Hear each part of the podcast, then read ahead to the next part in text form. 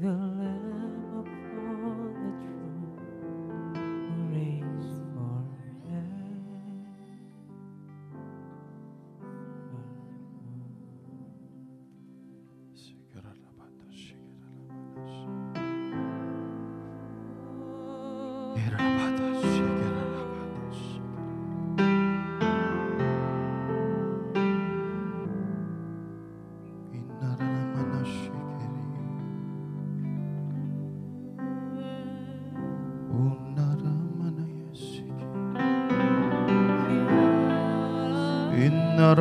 那么虚。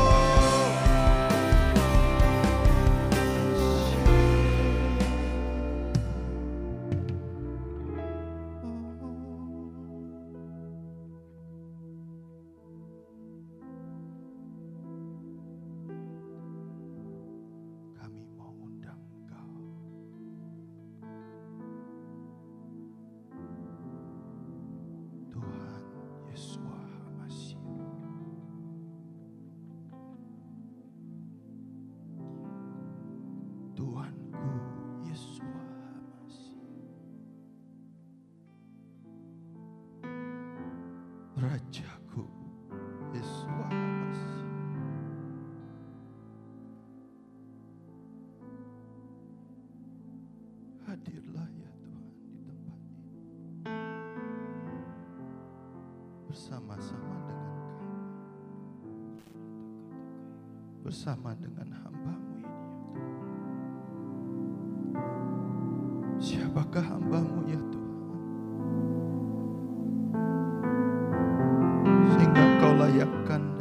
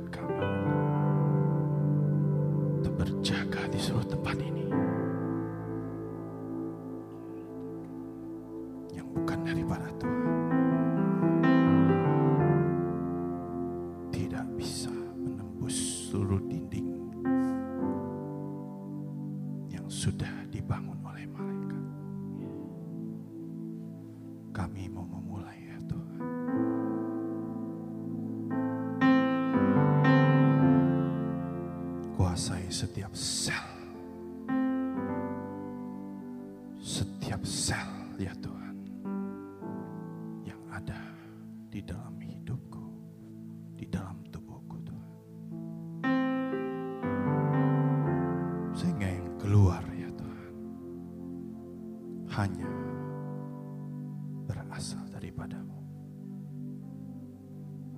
Di dalam nama Tuhan Yesus kami mau mulai. Amin. Amin.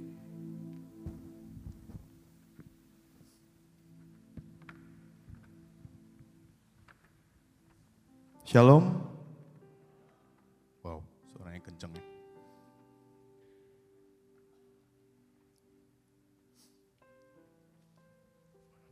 Apa kabar semuanya? Sudah makan? Sudah bu? Wah keduluan. Hmm. Pertama kali saya bisa hadir di tempat ini. Sudah lama sebenarnya Ibu Nani undang saya. Cuma saya percaya bahwa waktu itu yang tentuin Tuhan. Dan saya percaya ada satu pengaturan Tuhan yang sebegitu luar biasa, sehingga saya bisa hadir di saat sekarang ini. Nah, ada sesuatu yang sejujurnya mengagetkan saya. Waktu saya eh, khotbah di Temanggung, Sempat ada suatu pertanyaan waktu itu. Nanti saya akan tampilkan. Dan saya jawab waktu itu bahwa saya akan bawakan karena Tuhan yang bilang sama saya, habis ini belajar ya nak soal Yusuf. Nah itu yang saya dapat waktu itu. Nah nggak lama kemudian saya dengar bahwa di tempat ini, Bu Nani juga dapat yang sama. Saya kaget sekali. Saya kaget. Saya nggak cocokologi ya saudara ya. Nanti saya akan tampilkan video kesaksiannya. Nah saya terus coba untuk bertanya sama hambanya Ibu Nani. Bu, Bu Nani dapat ini tanggal berapa? Ternyata waktu Ibu Nani di dalam pengasingan, tanggal Bu Nani dapat dari Tuhan soal jubah Yusuf itu bisa hampir sama dengan waktu saya mendapatkan bahwa saya harus membagikan suatu cerita tentang Yusuf. Dan nanti saya akan tunjukkan. Oh, by the way, di sini kemarin yang ikut dan merasa sudah menerima warisan atau jubah Yusuf, tolong angkat tangan. Wow, hampir mayoritas. Boleh saya bertanya? Yang sudah merasakan berkatnya Yusuf, mohon dengan hormat angkat tangan. Wow, banyak ya. Berarti sudah jadi daging ya semuanya. Luar biasa. Nah, beberapa hari yang lalu sebelum saya ke sini saya tanya sama Tuhan. Tuhan, ini saya mau ke Cirebon nih. Ini harus tepat nih. Ini mau bawakan apa? Lalu tiba-tiba Tuhan suruh saya mempelajari kembali khotbah Ibu Nani tentang yang fungsi kapak. Yang tadinya sembilan menjadi sepuluh ya Bu ya. Waktu saya dengarkan itu kembali, saya kaget banget. Ya, kaget. Ternyata itu sesuatu yang connect dengan hidupnya Yusuf. Ya. Nah, tapi sebelum saya ke sana, saya pengen memutarkan sebuah video dari seseorang yang sangat legendaris, yang sangat kita cintai. Terlalu cepat dia pergi, tapi ini adalah sebuah khotbah si bapak ini tentang yang namanya warisan. Bagaimana caranya dan apa sih yang dimaksud dengan warisan itu? Ya, videonya agak lama sih. Mohon maaf saya taat aja ya sama Tuhan ya. Hampir 15 menit. Ya. Tapi daripada dengerin ini Jimmy, mungkin dengerin Pak Agung lebih keren. Ya. 15 menit saja. Ya, yang mau tidur silahkan. Ya. Nanti saya kasih linknya, lumayan kan 15 menit memejamkan mata. Ya. Tapi kalau yang mau lihat, silahkan juga. Ya, tidak ada paksaan di sini. Yang ada ya tanggung jawab sama Tuhan masing-masing aja. Oke, bisa diputarkan videonya? Shalom. Saudara, hari ini saya mau bicara soal warisan. Siapa yang ingin terima warisan? Dari siapa? Ini ada sebuah pengertian yang menurut saya Anda harus pahami. Karena nanti kalau dari awal tidak saudara pahami, apa yang saya bagi di firman buat sebagian besar saudara tidak terkoneksi sama sekali. Maka akibatnya hanya sekedar sebuah seremonial seperti yang bertahun-tahun dikerjakan, tapi dengan sedih saya berkata kelihatannya wow, tapi minim penggenapan. Nah saudara sekalian, saya mau jelaskan warisan itu Anda terima dari mana. Sebenarnya kalau saudara hanya mau terima warisan saya, wah repot. Anda membatasi dirimu sekali. Sebab warisan itu, Tuhan tadi berkata dengan saya, warisan yang dia maksudkan mau dibagikan hari-hari ini adalah Pertama, itu Anda dapatkan lewat orang-orang kudusnya yang di Alkitab yang sudah nggak ada. Bahkan itu mungkin di Alkitab nggak tertulis. Tapi ini orang-orang kudus, para pahlawan Tuhan yang sudah mati. Sudah bersama dengan Tuhan. Tapi warisan juga Anda bisa dapatkan, Anda terima dari orang-orang yang masih hidup. Nah, kita Anda harus mengerti itu dulu ya. Nanti nanti Saudara harus akan dibawa sampai kepada pengertian yang lebih konkret. Nah, orang bertanya begini, Pak, kalau dapat dari yang masih hidup lebih gampang tidak? Belum tentu. Belum tentu. Tapi bagaimana Pak saya mendapatkan dari yang sudah nggak ada, sudah di surga? Justru ini dua-duanya Anda harus punya pengertian. Pengertian ini kalau saudara nangkap, maka bukan hanya pada hari ini saudara mendapatkan warisan, tapi sebenarnya dalam hidupmu nanti itu akan terus mengerus mengalir dalam kehidupan Anda dan saya. Maka saya berkata bukan hanya saudara loh sebetulnya yang menantikan warisan. Saya berkata setiap saat dalam hidup saya, saya berkata Tuhan tambahi, karena tidak pernah cukup.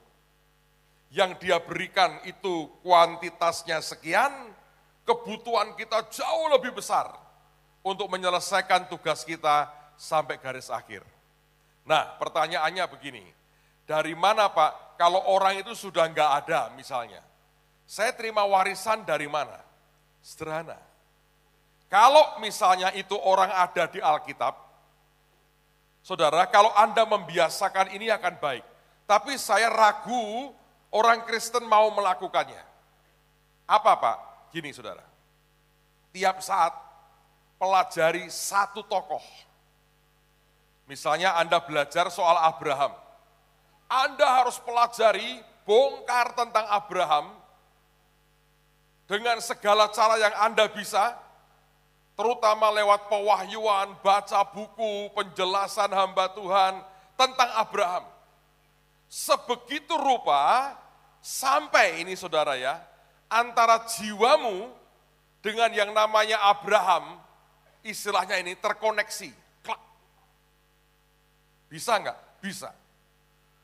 Anda pernah dengar cerita ada orang yang misalnya membaca atau mempelajari tentang seseorang, dan orang itu masih hidup, maka ketika dia begitu intens, maka sepertinya dia kenal orang itu walaupun belum pernah ketemu. Nangkep ya saudara ya. Mengapa harus begitu nanti saya jelaskan. Jadi semakin Anda mempelajari tokoh-tokoh di Alkitab, saudara itu makin punya pengertian yang luar biasa. Nah, semakin cetek pengertianmu, semakin kacau pemahamanmu, anda tidak akan bisa terkoneksi dengan baik. Sebab warisan itu Tuhan berikan lewat orang-orang yang sudah menyelesaikan akan panggilannya. Dan biasanya kita mendengar pakai istilah, dia punya jubah tertentu yang akan diwariskan kepada orang lain. Demikian juga kalau Anda membaca misalnya tentang pergerakan-pergerakan Beberapa waktu yang lalu, saya, saya, ini, saya ini orang yang mungkin termasuk paling sering terganggu sebetulnya dengan yang namanya tindakan profetis mengambil sesuatu. Saya, saya itu terganggu sekali, saudara. Mungkin Anda tidak. Anda puas dengan begini-begini. Saya nggak puas tuh. Saya bilang kalau aku mendapatkan, itu ada wujudnya. Tapi kalau Anda hanya pinternya begini-begini, terus gak ada perubahan, itu ganggu hati saya loh. Untung orang Kristen itu 99% baik-baik. Enggak ya enggak apa-apa, pokoknya percaya. Begini-gini saudara. Saya berkali-kali bicara, saya tuh sampai detik ini, saya terganggu hati saya. Nah, Pak mengapa harus mengerti itu? Saya beri contoh begini itu nanti pemahamanmu kalau Anda belajar tentang tokoh-tokoh tertentu, itu membuat saudara akan punya pengenalan dan pengertian. Lalu kenal dan ngerti, itu roh Tuhan sendiri sebetulnya, itu yang menjadikan sebuah channel, semuanya cepat. Contoh ini, pernah dibuat trip, mengambil urapan Smith Wigglesworth Siapa yang mau coba urapannya Smith Wigglesworth, angkat tangan tinggi-tinggi. Bagaimana ngambilnya? Oh kita ke tempat kelahirannya, itu toh. Percuma saudara. Kalau Anda tidak kenal siapa orang ini, seharusnya Anda baca buku-bukunya. Anda ngerti harga yang dia bayar. Sampai itu di seluruh kepribadian Anda ngerti, Smith, nanti akan terjadi. Kalau enggak akan sebuah trip sejarah. Guide-nya terbaik saya. Oh saya belajar sejarah. Iya kan? Yang lain kurang bagus guide-nya. Kalau kita hanya bicara masa lalu loh. Tanpa sebuah pengertian. Nangkep saudara. 92 Tuhan bawa saya, ini pertama kali saya belajar. Dapat sesuatu lewat orang masih hidup. 92, saya dibawa Tuhan ke KKR-nya Benihin pertama kali. Itu dia top-topnya, puncak-puncaknya itu. Saudara tahu apa yang terjadi?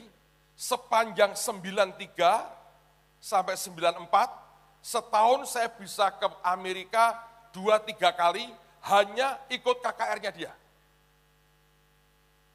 Tapi saya beritahu saudara, bagaimana caranya.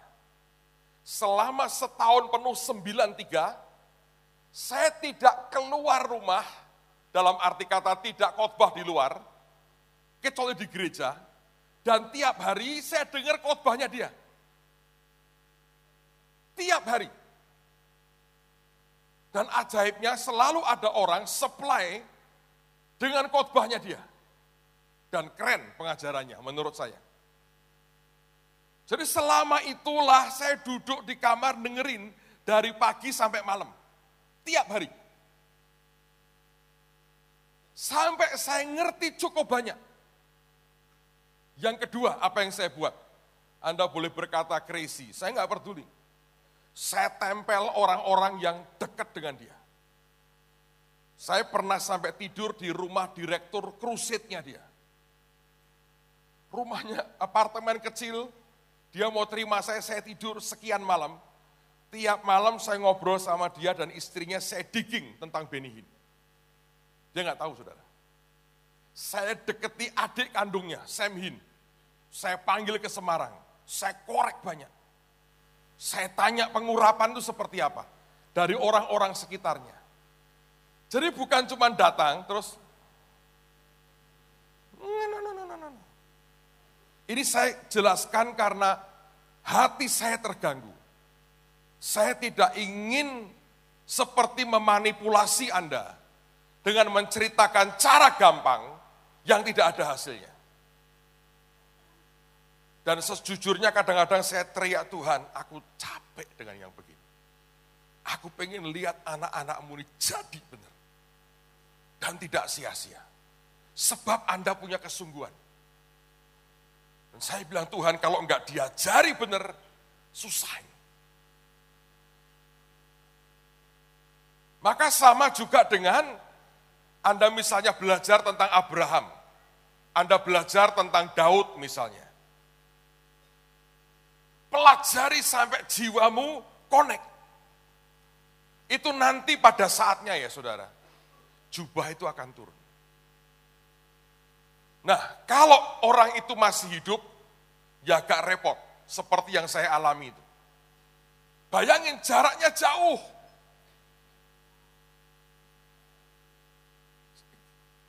Dan beliau orang yang tidak dengan gampang di approach. Sebuah perjuangan dibutuhkan sih. Tapi di situ menentukan seberapa Anda mengingini. Itu namanya warisan.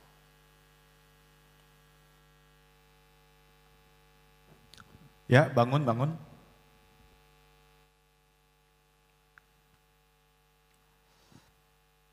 Suatu hari saya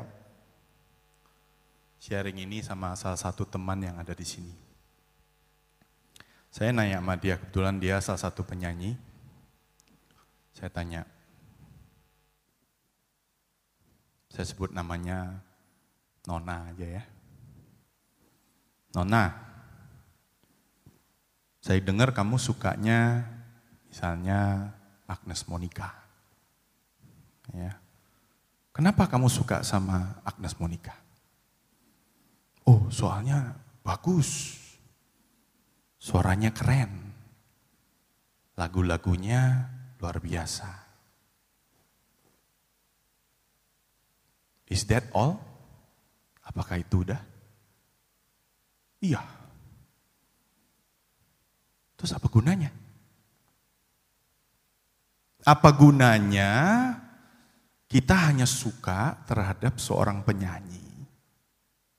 Apa gunanya kita hanya suka terhadap sesuatu? Saya bilang gini, kalau gitu kenapa kamu harus cuma suka Agnes Monica? Kenapa nggak suka aja sama Mariah Carey, Celine Dion? Lebih banyak variasi lebih bagus dong. Kenapa cuma suka satu? Pernah nggak kepikir sama kamu bahwa kamu juga bisa minimal menjadi Agnes Monica? Caranya gimana? Caranya ya kamu harus belajar apa yang pernah dilalui oleh Agnes Monica. Waktu kemarin saya share ini, ada sebuah pelatih. Waktu itu dia cerita, wah bener tuh. Ada seorang penyanyi bernama Katy Perry namanya. Nah, Katy Perry ini dilatih oleh seseorang yang bernama Quincy Jones. Quincy Jones ini kalau ada orang ibaratnya gini, ada orang nih ya, orang biasa, disentuh aja sama dia. Ting. Langsung tuh jadi superstar. Dia adalah dulu yang memanage Michael Jackson. Dan semua artis paling top dunia. Kalau udah cerita Quincy Jones, wah udah kayak dewa. Nah waktu Quincy Jones ini ketemu dengan namanya Katy Perry.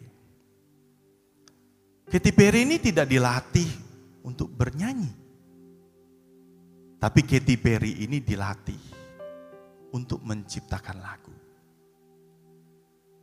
Nah, lagu yang diciptakan oleh Katy Perry ini bukan satu, dua, sepuluh, tetapi ratusan sampai ribuan. Hampir selama tiga tahun. Katy Perry cuma dikandangin sama Quincy Jones. Dan dia cuma disuruh ngarang lagu aja. Hampir tiga tahun. Gak ngapa-ngapain. Cuma suruh ngarang lagu. Suatu hari Quincy Jones datang dan dia lihat apa yang dia karang. Oke, saatnya sudah tiba. Itu yang membuat Katy Perry apa pun lagu yang dia buat selalu hits. Tetapi harga yang dia bayar itu luar biasa. Demikian juga dengan semua pahlawan-pahlawan yang ada. Baik yang duniawi maupun yang rohani. Gak ada satupun yang bisa saya ambil dalam nama Yesus. Ya, kita terima. But then what?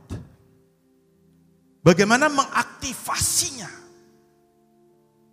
Itu jauh lebih penting. Saya bukan anti jubahnya, ya. bahkan saya itu mau menggenapi bahasanya. Menjelaskan apa yang sebenarnya saudara-saudara terima dan dengarkan pada saat Ibu Nani membahas soal babat habis ini. Bahkan saya itu diberi suatu kehormatan.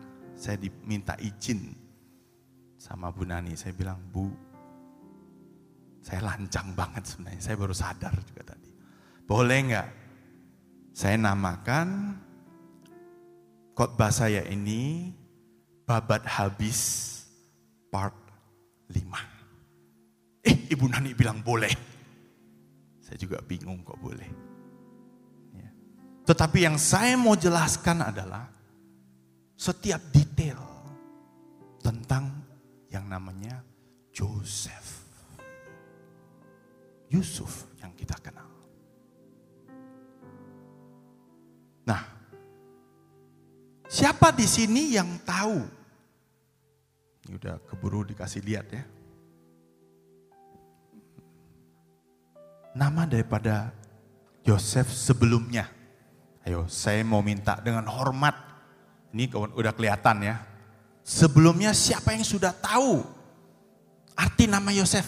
Angkat tangan. Tidak ada. Tahukah saudara bahwa di dalam sebuah nama kita bilang, wah kita dapat jubah Yusuf. Apa arti Yosef atau Yusuf itu? Nah, di sini dijelaskan di Alkitab terutama dan juga di bahasa Hebrew, he will add. Akan ditambahkan. Nah kalau saudara lihat di Alkitab, kalau kita lihat kembali, kenapa namanya seperti itu? Mamanya, Rahel atau Rachel, waktu dia dibukakan dan dia bisa mengandung, doanya kepada Tuhan waktu itu, dia tidak puas. Dia bilang mulai saat ini Tuhan akan menambahkan. Menambahkan. Nah kata ini ini sesuatu yang buat saya ini luar biasa. Luar biasa sekali. Mungkin lompat ke itu yang pengertian mengenai ayat itu yang ditambahkan, bro, sebelum yang video.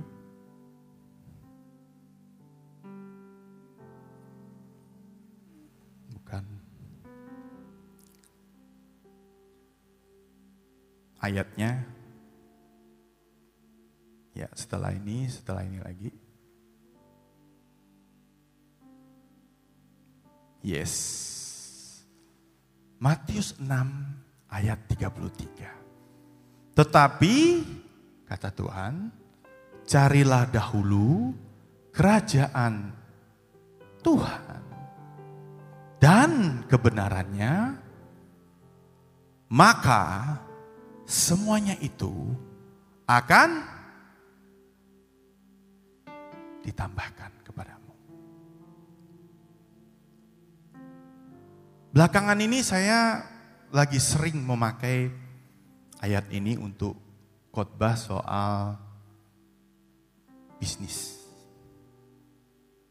Di dalam prinsip saya, semua yang kita miliki itu jenisnya harus modelnya ditambahkan. Why? Supaya tidak ada yang pernah nempel di kita. Kalau itu sesuatu yang kita dapatkan, sesuatu yang kayak kita paksa, maka ada sesuatu yang dari daging kita yang sepertinya kita mau merebut sesuatu. Tetapi kalau itu adalah ditambahkan, itu sifatnya berbeda sekali. Lah kok bisa? Nama Yosef artinya ditambahkan. Nah, waktu saya gali kembali, saya nggak puas orangnya. Saya gali terus. Sampai suatu ketika saya ini sedang belajar lebih dalam lagi. Nah, waktu saya belajar ini ada sebuah video yang sangat menarik tentang arti kata Joseph. Yuk, silakan videonya. itself, the word, uh, comes from uh, a verb leosif, which means together, to gather up, to unite. So, and it's very interesting how the story of Joseph begins by this uh, disintegration of the family. But the story of Joseph then ends by uniting and regathering of the family. Very Arti kata Yosef yang lain adalah to unite. Untuk mempersatukan. Ternyata di dalam Yusuf atau Yosef itu sejak awal dia memberi nama diberi nama oleh Tuhan, dia itu sudah dinyatakan destininya. Luar biasa ya. Nah, ini yang disebut kita harus menggali secara detail dan lebih dalam. Minimal sekarang kita udah tahu, oh Yosef itu arti katanya he will add atau dia akan ditambahkan. Dan satu lagi to unite yaitu untuk mempersatukan. Nah, saya kemarin minta izin sama Bu Nani, Bu, saya pinjem ya slide yang kemarin. Saya akan acak, karena ini saya susun berdasarkan apa yang Alkitab jelaskan. Bila saudara ingat, waktu kalau kita baca di kitab kejadian ya, pertama kali waktu diceritakan, Yusuf itu berumur 17 tahun. Betul ya? 17 tahun. Nah, pada waktu dia umur 17 tahun, Yusuf itu dikasih apa sama bapaknya? Hah? Jubah ya, jubah. Ayo tolong ditampilkan jubahnya yang warna-warni itu. Wow, sebuah pakaian kebesaran nih saya cuma flashback aja yang kemarin Bu Nani sudah ceritakan ya. Merah berbicara tentang pelindungan darah Tuhan Yesus. Lambang keberanian dan gelora cinta. Kemudian jingga atau merah muda berbicara diberikan ke kekuatan dan kesehatan. Kuning bicara Tuhan menjanjikan pengharapan. Hijau berbicara Tuhan akan berikan pertumbuhan dan kehidupan. Biru bicara tentang akan diberikan roh kesetiaan. Nila berbicara Tuhan akan berikan hati yang hineni. Berbicara Tuhan, kalau ungu berbicara Tuhan akan berikan kebesaran dan otoritas raja-raja dan perak berbicara tentang kelimpahan yang Tuhan akan berikan, kelimpahan jasmani dan rohani dan kemudian emas. Berbicara tentang kemurnian hati ya, kemurnian manusia batinia yang memberikan hati yang penuh dengan kemurnian. Oke. Kenapa jubah itu diberikan di awal? Dan dicerita di Alkitab, jubah itu diberikan di awal. Ya. Pernah nggak kita bertanya-tanya? Oh, karena bapaknya sayang sama dia. Oke, itu yang kata di Alkitab. Saya percaya tidak ada satupun yang kebetulan. Pada saat Yusuf menerima jubah ini, jubah ini adalah sebuah jaminan. Jaminan atas apa? Jaminan atas apa yang akan Yusuf laluin. Jaminan yang Tuhan berikan sebagai setiap kekuatan yang ada di warnanya itu. Sadar gak saudara? Kalau yang kita baca Alkitab minimal Yusuf sampai komplit. Dan yang saya minta saudara setelah pulang dari sini, mohon dengarkan kembali ini. Saya nggak bisa bahas ini satu persatu, terlalu banyak. Saya juga ada time waktunya ya. Tapi setiap warna ini melambangkan jaminan dan kekuatan yang Tuhan harus berikan kepada Yusuf untuk membawa ia kepada destininya. Dia harus diberikan keberanian tanpa dia sadari. Diberikan hati yang murni. Tanpa itu tidak bisa. Dan semuanya. Oleh karena itu menurut saya Tuhan itu terlalu luar biasa. Jubah ini diberikan justru di awal hidup saat dia nggak ngerti. Walaupun setelah itu dia dapat mimpi. Tapi saya yakin Yusuf tidak tahu arti sebenarnya daripada jubah ini. Kalau saudara lihat lagi satu persatu artinya, saya kalau baca ini merinding. Wow, kok bisa pas ya? Itu persis apa yang dilalui oleh Yusuf. Penderitaan dan kekuatan dan jaminan yang bisa membawa Yusuf sampai akhir. Dan saya percaya tidak ada satupun yang kebetulan.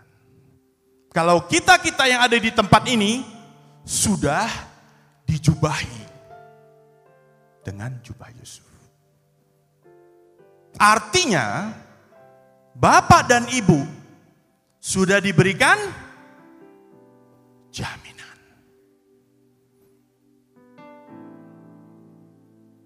Jaminan.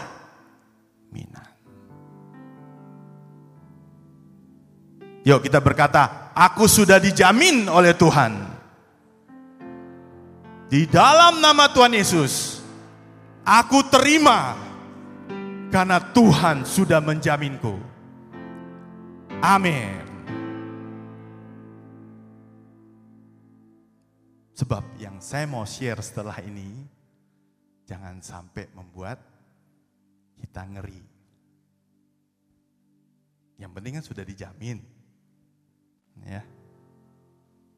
Nah, boleh tuh kita kasih summary-nya, fungsi mata kapak, supaya kita ingat lagi ya.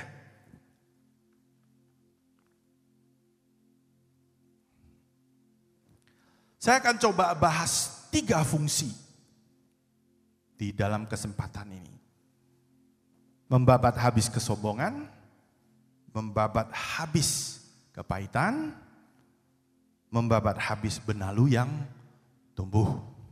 Saya hitung, saya tanya Tuhan, kayaknya kalau semuanya nggak bakal selesai. Nah, izinkan saya untuk mulai dulu dari yang nomor dua. Membabat habis kepahitan. Number two.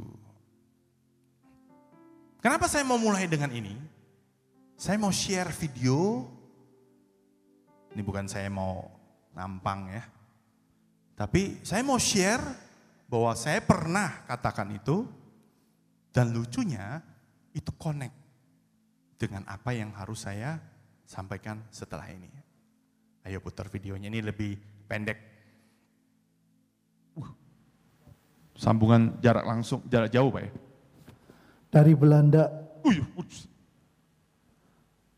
tanya Pak bagaimana cara menikmati kepahitan. Maksudnya dalam kenik- kepahitan itu dia bisa lewati gitu loh. Bagaimana kita dibentuk dengan kepahitan kita juga dalam hubungan dengan pemimpin. Wah yang kedua agak berat jawabnya. Saya mulai dengan nomor satu. Terima kasih siapa pun itu yang dari Belanda.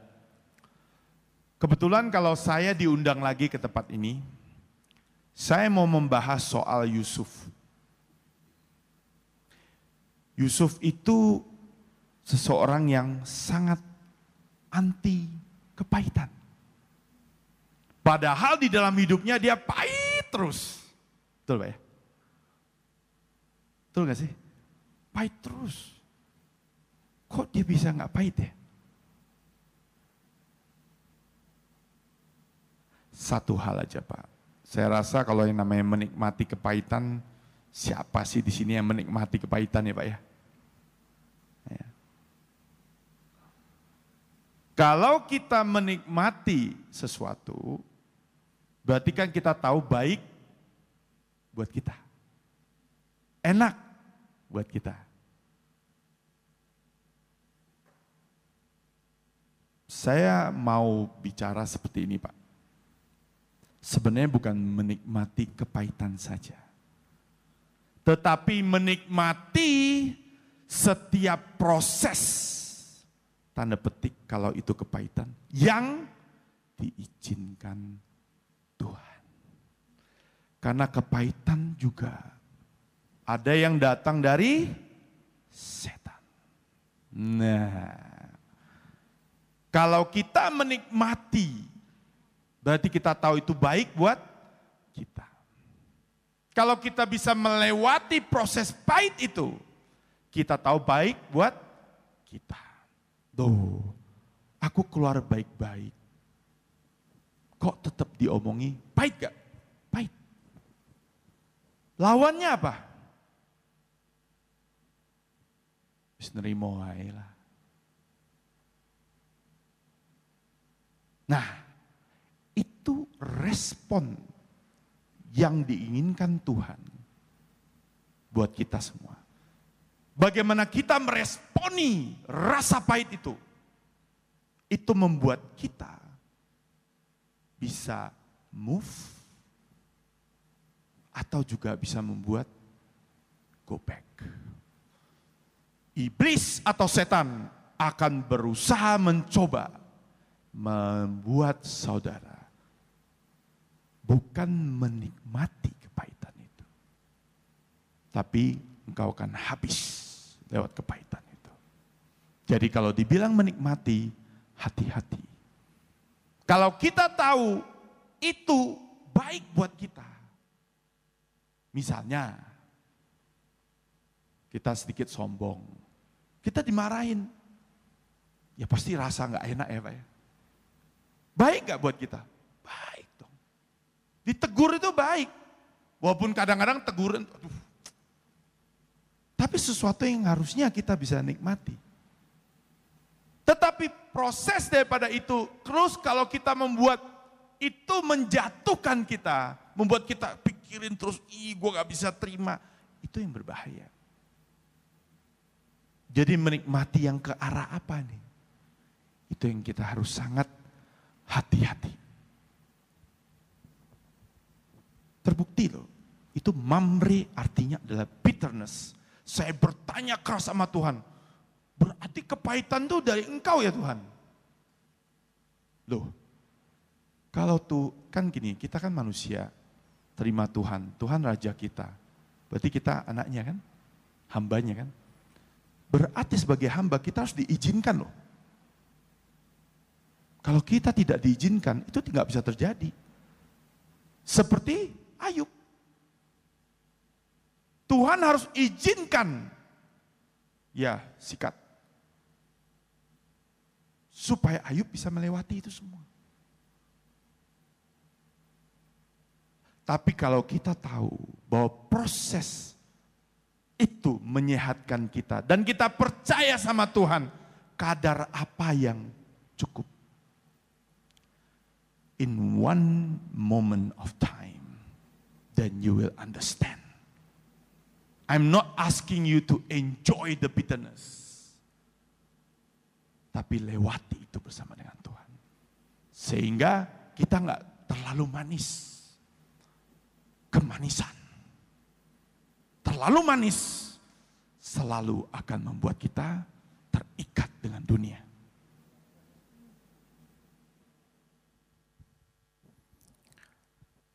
Oke, tolong maafin yang Bapak tadi yang lagi ngomong itu, ngomongnya panjang banget ya. Oke, kita next slide. Di kejadian 45, saya mau tekankan di ayat 8. Pada waktu itu Yusuf di ujungnya. Ya. Ini bukti bahwa Yusuf itu enggak kepahitan. Ya. Jadi bukanlah kamu yang menyuruh aku ke sini, kata Yusuf. Tetapi Allah. Dialah yang telah menempatkan aku sebagai bapa bagi Firaun dan tuan atas seluruh istananya dan sebagai kuasa atas seluruh tanah Mesir. Yusuf mencium semua saudaranya itu loh dengan mesra dan ia menangis sambil memeluk mereka. Sesudah itu barulah saudara-saudaranya bercakap-cakap dengan dia.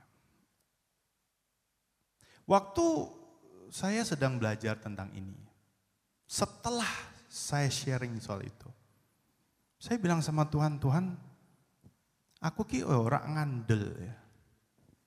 Aku tuh nggak percaya ada orang seperti Yusuf. Bayangin coba ya, dia dibuang. Udah dibuang dijual jadi budak. Setelah jual jadi budak, dia melayani tuan baru namanya Potifar. Kemudian apa yang terjadi? He's accused. Padahal dia mempertahankan martabatnya dan harga dirinya. Untuk apa? Tidak selingkuh dengan seorang yang bernama Zelika. Tahu? Nanti saya cerita. Yaitu istrinya Potifar. And so on and so on. Nah, saya bilang sama Tuhan, Tuhan, masa sih? Apa yang membuat dia Waktu dia udah dibuang di awal itu, digebukin sama saudara-saudaranya, dibuang, dijual. Tiba-tiba sampai ke tangan Potifar. Tiba-tiba aja gitu langsung kerja. Dikatakan di sana Tuhan menyertai Yusuf, betul? Betul ya? Jelalah gitu. Tiba-tiba loh. Percaya nggak? Hah? Yang percaya angkat tangan. Yang tidak percaya angkat tangan. Yang tidak mau tahu angkat tangan. Bagi saya itu sesuatu yang aneh. Cerita ini nggak nyambung. Nah, maka Tuhan bilang ketuklah maka pintu akan dibukakan bagimu. Nah karena kedablekan saya, dan mungkin Tuhan kesel sama saya sekaligus sayang, Suatu hari saya ketemu sama satu uh, pasangan lah ya, teman baru. Nah waktu itu saya kenal dari seorang teman yang kemudian kenal sama istri saya. Lalu waktu saya, ayo ikut ikut ikut, ini orang ini hebat nih. Nah ternyata dia jual sebuah buku waktu saya ketemu makan waktu itu. Nah ternyata dia itu membawa sebuah kitab yang dinamakan kitab Jeser. Yasar. Atau kitab orang jujur. Waktu saya terima kitab itu, yang pertama kali saya lakukan, saya lihat summary-nya, saya lihat ini isinya apa sih. Wow, banyak juga ya. Hampir semua yang ada di kitab kejadian, itu ada di sana. Bahkan keluaran pun ada. Nah kebetulan saya lagi pengen belajar soal Yusuf. Saya langsung buka. Saya baca. Ternyata inilah jawabannya. Banyak kontroversi tentang kitab ini. Kitab ini non katanya dulu sebenarnya merupakan bagian utuh dari Alkitab. Muncul sejak tahun 800 AD. Ya. Nah, tetapi di tahun 1829 itu di dipres atau dikeluarin. Nah itu membuat saya bertanya juga. Tetapi ternyata, menurut saya ini saya baca, saya nggak tahu kenapa itu disupres.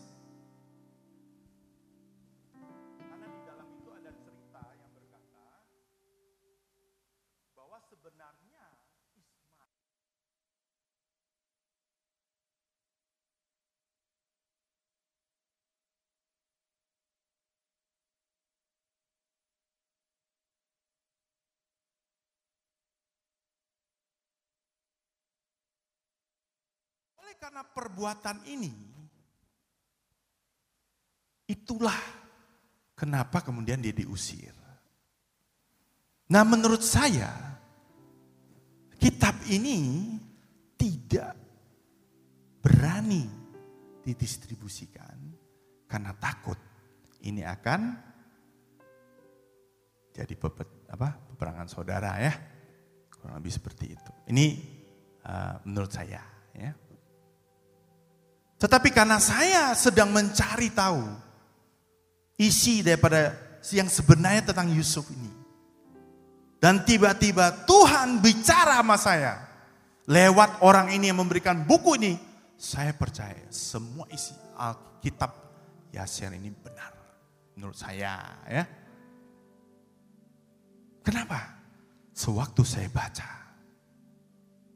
Wow ini baru benar the missing link even terhadap cerita Abraham pun ada di sini. Banyak. Jadi saya bukan promosi di depan nggak ada yang jual buku ya. Jadi silahkan cari sendiri Tokopedia banyak, bisa di download di internet. Untuk melengkapi apa yang selama ini kita nggak tahu. Kalau yang sudah tahu ya puji Tuhan. Nah,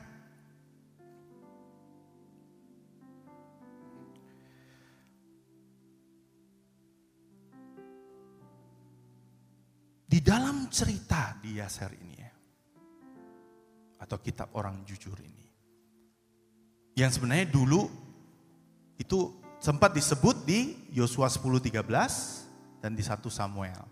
Bukankah ini sudah tertulis di kitab orang jujur katanya begitu.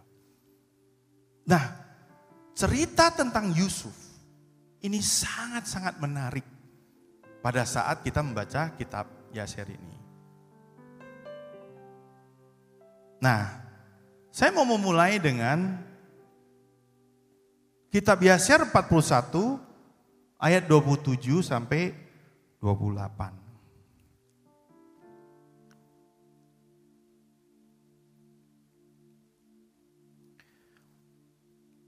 Mereka membawanya dan melemparkan dia ke dalam sumur. Di dalam sumur itu tidak ada air. Namun ular dan kalajengking. Yosef takut kepada ular dan kalajengking yang ada di dalam sumur. Yosef menangis dengan suara keras, maka Yahweh menyembunyikan ular dan kalajengking di tepi sumur. Dan mereka tidak mencederai Yosef. Nah, di sini Yusuf merasakan keajaiban yang pertama. Yaitu apa? Dia masuk sumur, harusnya dia mati, tetapi ternyata Tuhan meminggirkan semua binatang-binatang yang ada di sana. Wah, waktunya. Yaser 42 ayat 5 sampai 6. Dan sementara mereka sedang membicarakan hal ini, dan sebelum rombongan orang Ismail datang kepada mereka, tujuh orang pedagang Midian melewati mereka, dan ketika sedang melintas, mereka merasa haus, dan mengangkat matanya dan melihat sumur yang di dalamnya Yosef dipenjarakan. Mereka memandang dan lihatlah berbagai jenis burung ada di atasnya. Nah di dalam cerita kitab Yasar ini ternyata ada dua, dua kelompok. Ya, kelompok pertama yaitu pedagang Midian. Nah bagaimana caranya pedagang Midian ini bisa menemukan seseorang yang bernama Yosef ini? Ternyata Tuhan memberikan sebuah tanda di atas sumur itu. Sehingga membuat, oh para pedagang Midian ini melihat. Dan kemudian mereka datang dan lihat, eh ternyata ada si Yosef. Ini adalah keajaiban yang kedua.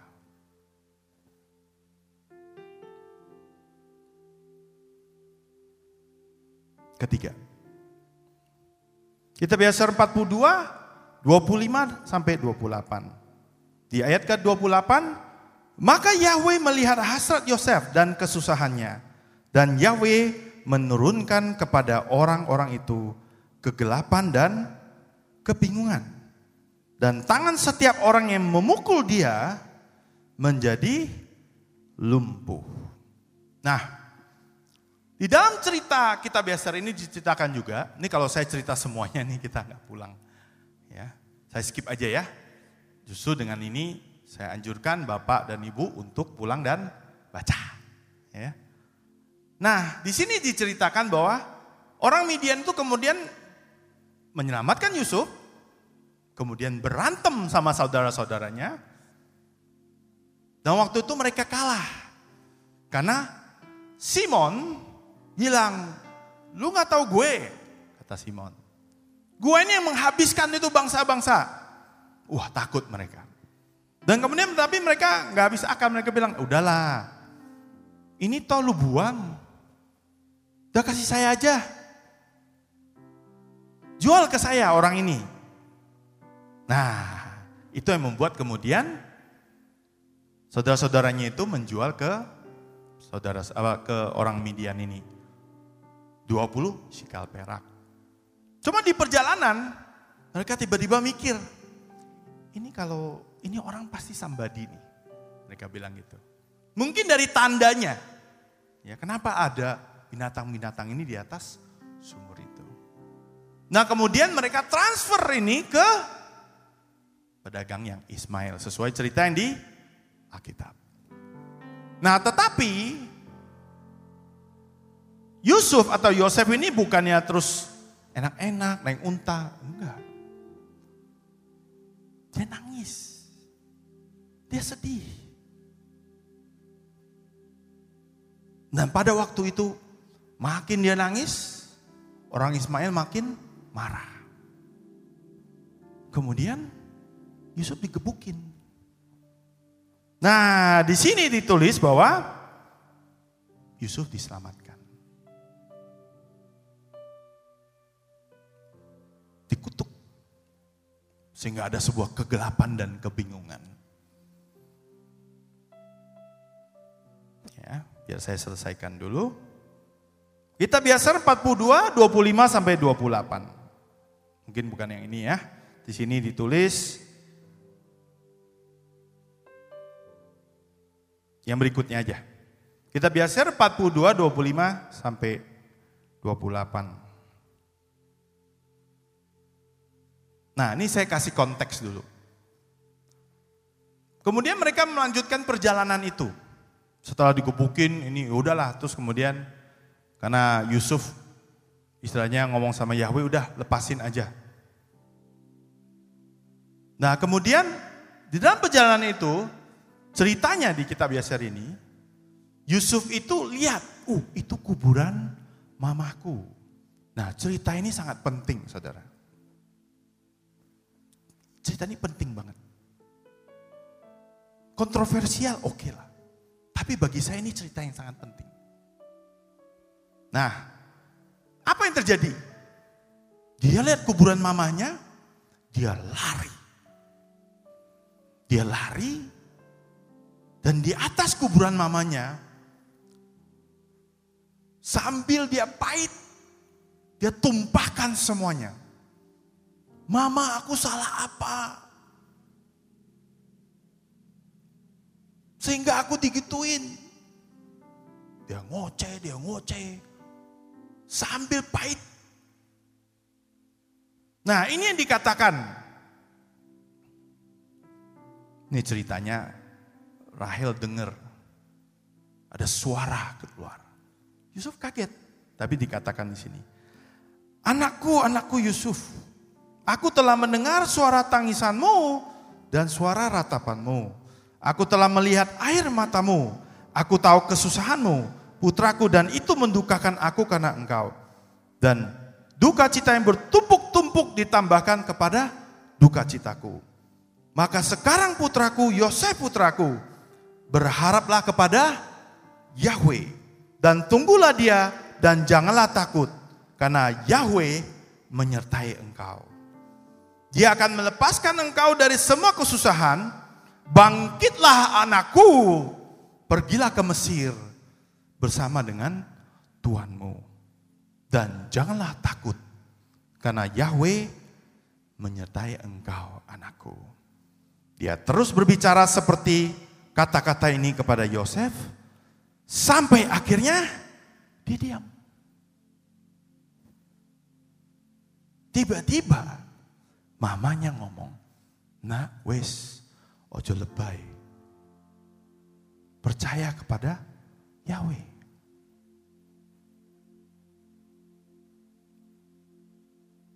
Terus dia diam. Mungkin yang di pikiran kita setelah diomongin gitu, Yusuf diam dan menerima ya. Oh no. Next. 41 sampai 48, saya fokus di 42. Yosef berkata kepada orang itu, semoga aku mendapat kemurahan di matamu dengan membawa aku kembali ke rumah ayahku. Dan dia akan memberikan kepadamu kekayaan yang melimpah. Jadi setelah mamanya nih ngomong sama dia, dia bukan terima loh. Ya. Dia mungkin berpikir seperti ini. Ini orang Ismail nih, gue udah apa ya, lepaskan dia dari kutuk, Mungkin dia mau dengerin gua kali ya. Itu yang dikatakan Yosef. Eh, bawa gue pulang dong. Bapak gue ini orang kaya nih. Bawa gue pulang, nanti lu akan dapat hadiah. Yang ada dikebukin. Yang ada dikebukin. Mereka menjawab dia katanya, apakah engkau bukan budak? Mana ayahmu? katanya. Dan jika kalau engkau punya ayah, engkau tidak akan dijual dua kali. Sebagai budak dengan harga yang sangat murah. Amarah mereka masih menyala terhadapnya. Dan mereka terus memukuli dia. Dan menghajarnya. Yosef menangis dengan sedih. Tapi setelah itu apa yang terjadi? Maka Yahweh melihat penderitaan Yosef. Dan Yahweh memukul orang-orang ini lagi dan menghajar mereka menyebabkan kegelapan meliputi mereka di bumi kilat menyambar-nyambar dan guntur bergemuruh dan bumi bergoncang karena suara guntur dan angin ribut orang-orang itu ketakutan dan tidak tahu ke mana yang mereka harus pergi. Next. Nah di sini dikatakan Di 48 Yosef melakukan seperti perkataan mereka dan Yahweh mendengarkan Yosef. Yahweh menyingkirkan tulah yang dia timpakan kepada orang-orang itu karena Yosef binatang-binatang itu bangkit dari tanah dan mereka menuntunnya berjalan. Badai mengabuk reda, maka orang-orang itu melanjutkan perjalanan mereka ke Mesir. Dan orang-orang itu mengetahui bahwa malapetaka itu menimpa mereka karena Yosef. Aneh gak cerita ini? Mereka tahu bahwa Yosef ini sangat-sangat diberkati Tuhan. Dan yang lebih parah di sini adalah Yosef tahu bahwa Yahweh ada bersama dengan dia. Betul ya?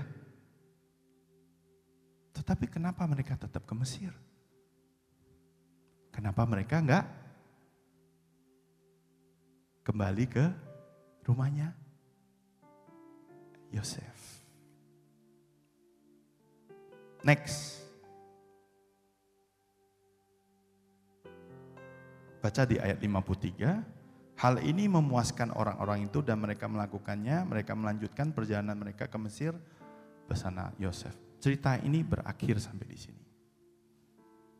Apa yang terjadi? Sampai ujung pun Yusuf tetap tidak dibawa pulang ke rumahnya. Tetapi setelah cerita ini, saya percaya, walaupun saya tidak tahu cerita aslinya, bagaimana perasaan Yusuf. Kira-kira apa perasaan Yusuf?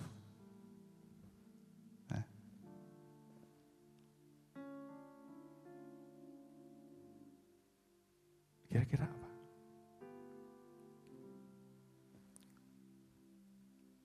Jawabannya adalah, ya wis lah Tuhan. Ya sudahlah Tuhan. Engkau tetap akan melindungi aku.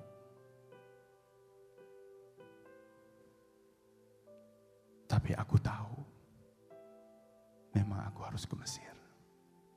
Buktinya apa? Berkali-kali Yusuf selalu dilindungi oleh Tuhan. Tetapi berkali-kali Yusuf tidak pernah dibawa pulang. Walaupun Tuhan melindungi. Berarti pertanyaannya apa sih?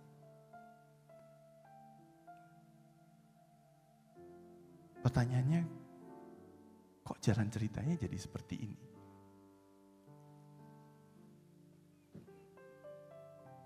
Itu yang saya sebut bahwa terkadang kita harus tahu ke mana jalan, ke mana sebuah proses membawa kita. Tetapi seperti jubah yang sudah diberikan kepada Yusuf dan diberikan kepada saudara-saudara yang di tempat ini dan saudara sudah menerimanya. Maka walaupun kita harus melewati yang namanya cobaan. Melewati sebuah penderitaan. Melewati betapa banyaknya kepahitan. Tetapi tetap Tuhan itu baik. Tuhan itu tetap baik. Kan dapat sampai kapan pun Tuhan tetap melindungi Yusuf. Tetapi bukan apa Yusuf inginkan. Tetapi apa yang Tuhan inginkan. Di situ saya percaya. Dasar kenapa Yusuf bisa berkata, Saudara-saudaraku, kalian tidak usah takut sama aku. Karena aku tahu ini adalah pekerjaan Tuhan. Ada amin? Jadi kapak nomor dua harus ditanggulangi dengan pertama mengampuni. Kedua, enjoy. Saya nggak bilang enjoy pahit ya, gak enak rasanya. Tetapi enjoy dan percaya bahwa setiap proses akan mendatangkan kebaikan. Karena Tuhan kita adalah Tuhan yang baik. izinkan kapak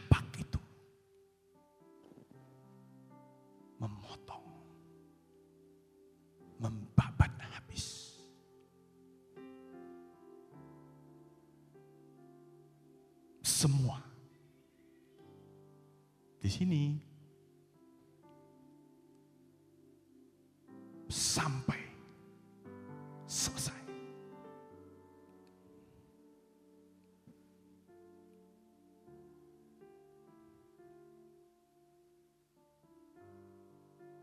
Oke, fungsi kapak yang berikutnya.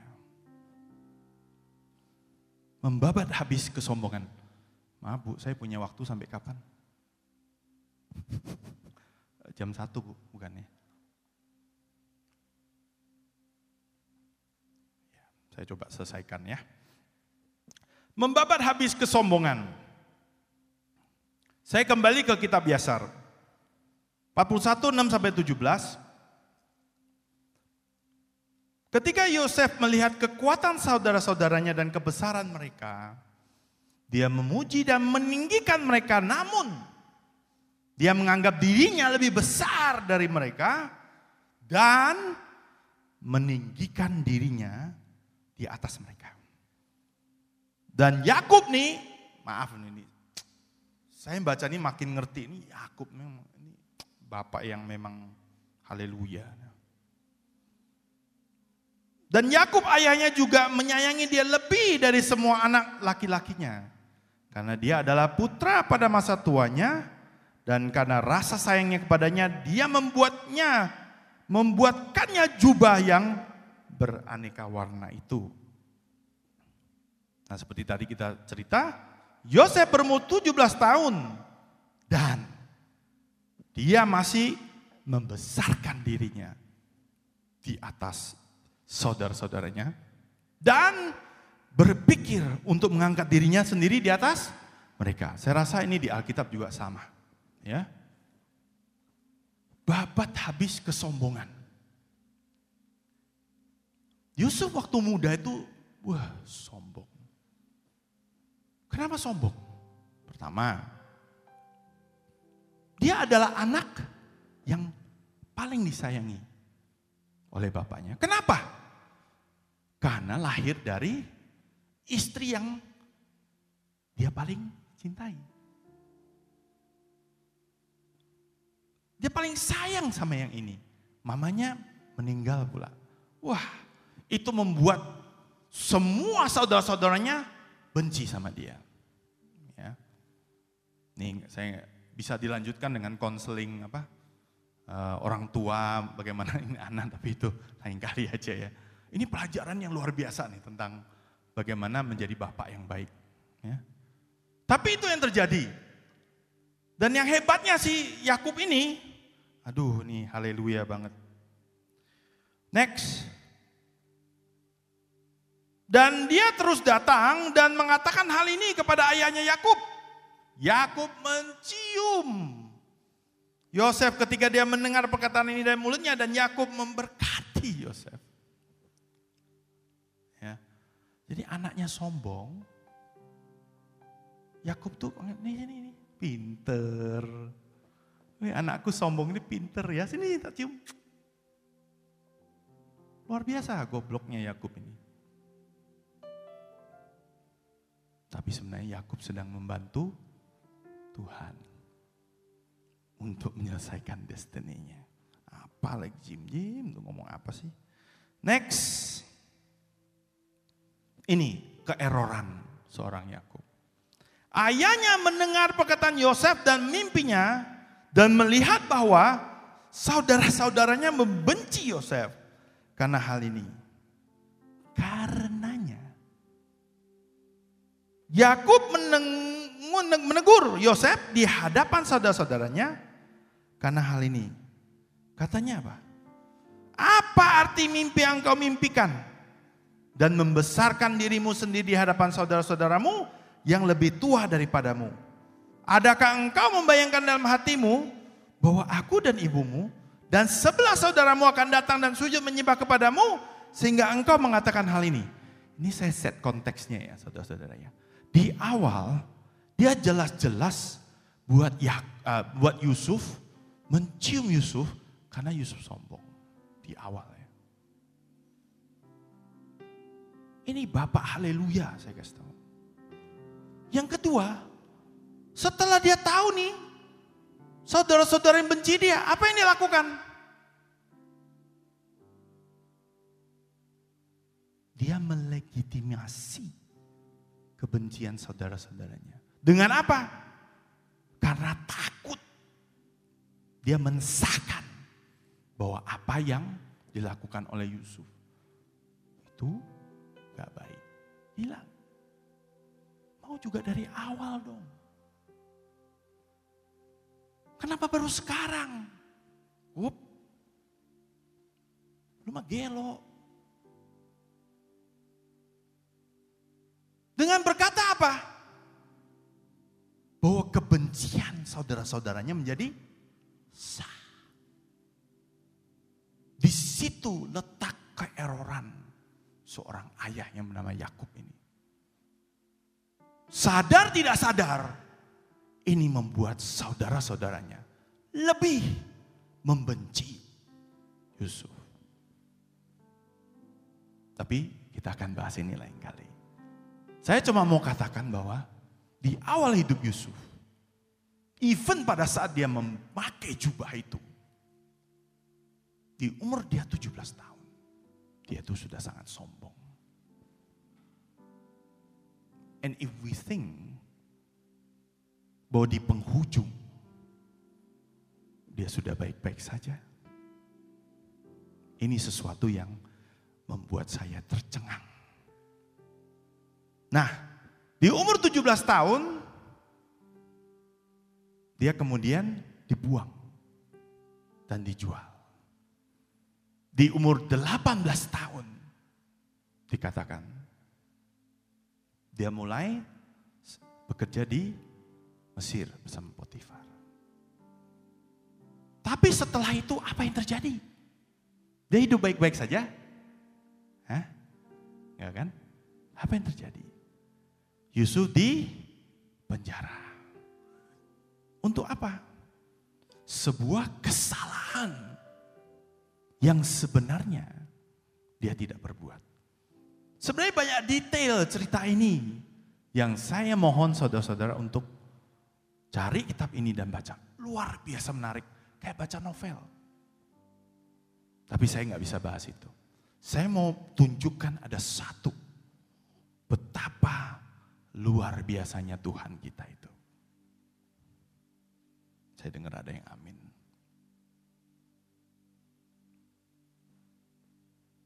Di kitab Yasar 46, 7 sampai 11. Di sini diceritakan tentang pada saat Yusuf berada di penjara dan dia menjadi kepala atas penjara itu. Luar biasa. Tuhan selalu menyertai Yusuf. Apa yang dikerjakannya selalu dibuat berhasil. Dan pada saat itu Tuhan sudah memberikan dia sebuah karunia untuk mengartikan mimpi. Merupakan sebuah custom daripada bangsa Mesir pada saat itu. Bahwa mimpi itu punya arti. Dan harus diartikan. Luar biasa ya. Nah, pada saat itu ceritanya, lah dua orang ini kan di penjara. Mereka nggak punya akses ke orang-orang pintarnya di Mesir. Nah, Yusuf ini menawarkan bantuan. Udah lu cerita sama gue deh. Gue artiin buat lu. Itu yang dikatakan Yusuf. Di kitab Yasar 46, 7 sampai 11. Ini yang luar biasa menurut saya. Dalam tiga hari raja akan memerintahkan engkau dibawa keluar dan dia akan mengembalikan engkau kepada kedudukanmu. Ini adalah yang bawa piala itu ya. Dan engkau akan memberikan kepada raja anggurnya untuk diminum. Sama seperti semula. Ketika engkau masih juru minumnya. Nah, di sini yang kita harus perhatikan. Tapi biarlah aku mendapatkan kemurahanmu. di matamu. Mu di sini nggak gede ya manusia. Supaya engkau mengingatkan aku kepada Pharaoh, ya, Firaun. Ketika sudah baik keadaanmu, lakukanlah kebaikan kepadaku dan usahakanlah aku keluar dari penjara ini. Karena aku telah diculik dari kanan kanan, bla bla bla bla bla bla bla bla. Kita tahu curcolnya Yusuf itu apa? Dia minta kepada sang pemegang piala itu. Eh, gue udah nyelamatin lu ya. Karunia yang Tuhan berikan kepada gue ini yang membebaskan lu. Sekarang aku katakan, lu waktu pulang, lu ngomong sama Firaun ya, gua ini orang yang tidak bersalah. Gua tidak berdosa. Gua sampai detik ini, gua tidak terima. Keluarkan aku dari tempat ini. Wow, salah nggak?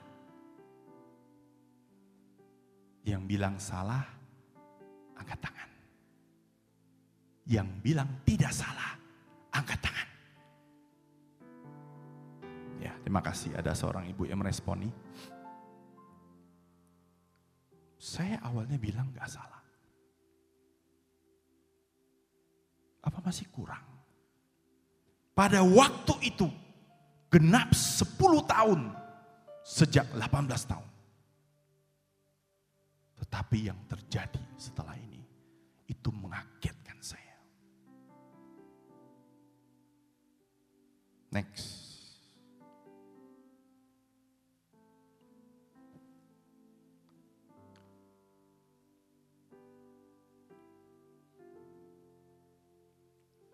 Dan juru minuman kepada siapa Yosef menahan bla bla bla bla dan dia tidak menyebutkannya kepada raja seperti yang telah dijanjikan karena hal ini berasal dari Yahweh. Untuk menghukum, saya ulangi ya, untuk menghukum Yusuf.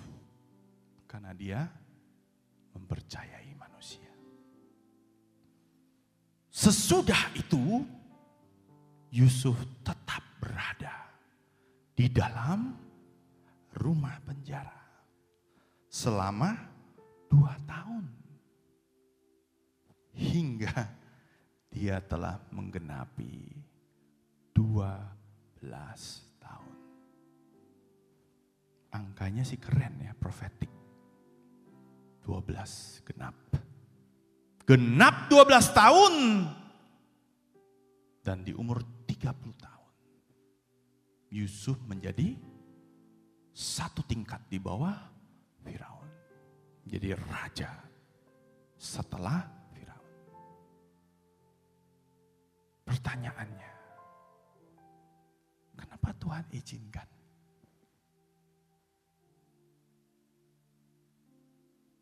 Tuhan mau menggigis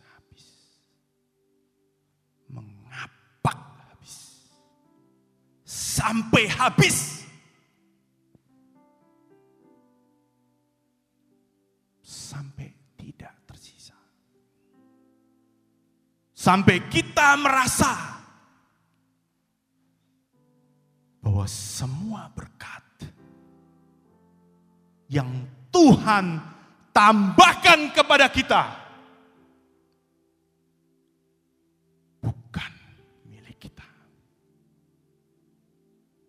tetapi hanya milik Tuhan semata. Bukan karena kekuatan kita, tetapi karena rohmu ya Tuhan. Dua tahun ekstra. Cuma karena apa? Ngedumel. Saya sangat mengerti perasaan Yusuf yang ini. Tahun lalu, ini baru tahun lalu.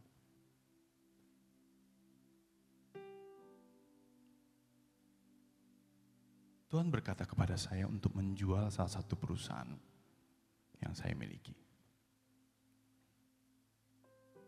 Dan di kala itu saya dapat pewahyuan.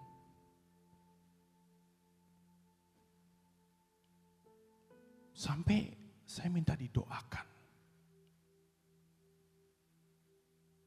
oleh beberapa hamba Tuhan. Dan saya dikasih tahu dan saya mendapatkan peneguhan. Sampai saya dikasih tahu masanya adalah ini.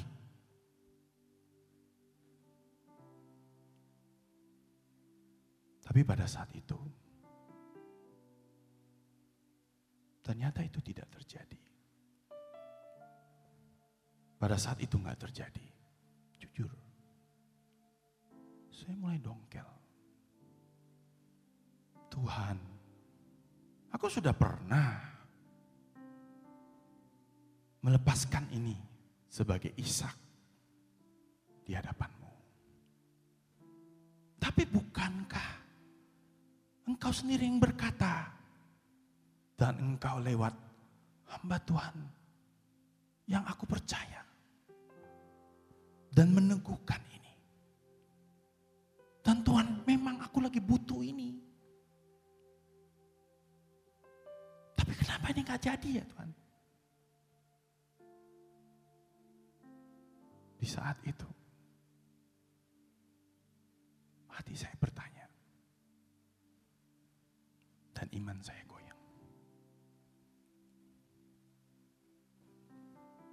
Apakah tidak cukup sekian lama? Jujur, di perusahaan ini saya banyak belajar. Jujur di hati saya itu saya pengen lepaskanlah. Banyak penderitaan. Banyak harus diurus. Ribet. Orang-orangnya ribet. Ruwet. Alangkah indahnya kalau saya lepas. Tapi tiba-tiba Tuhan berkata, not yet.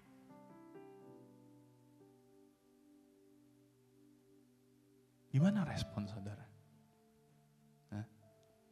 Sudah dapat peneguhan Yang awal ngomong juga Tuhan.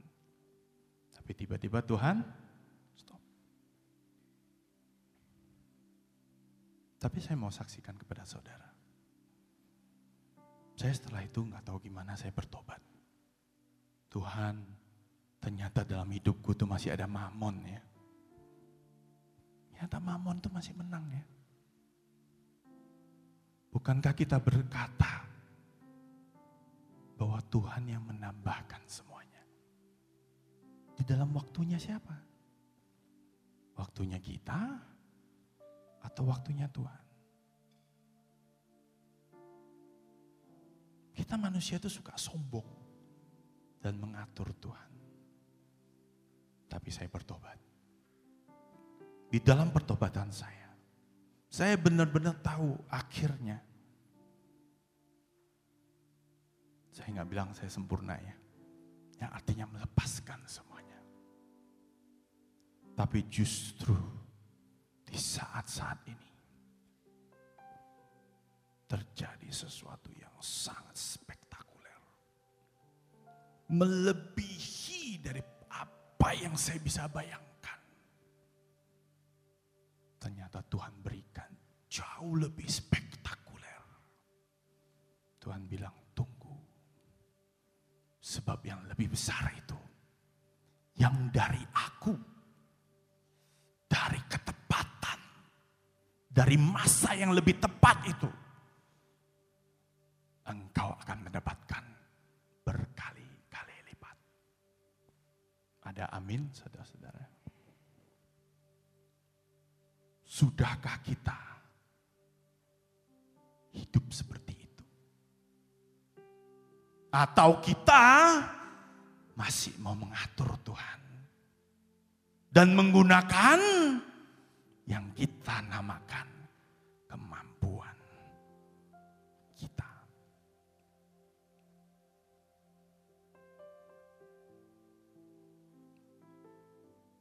Oke.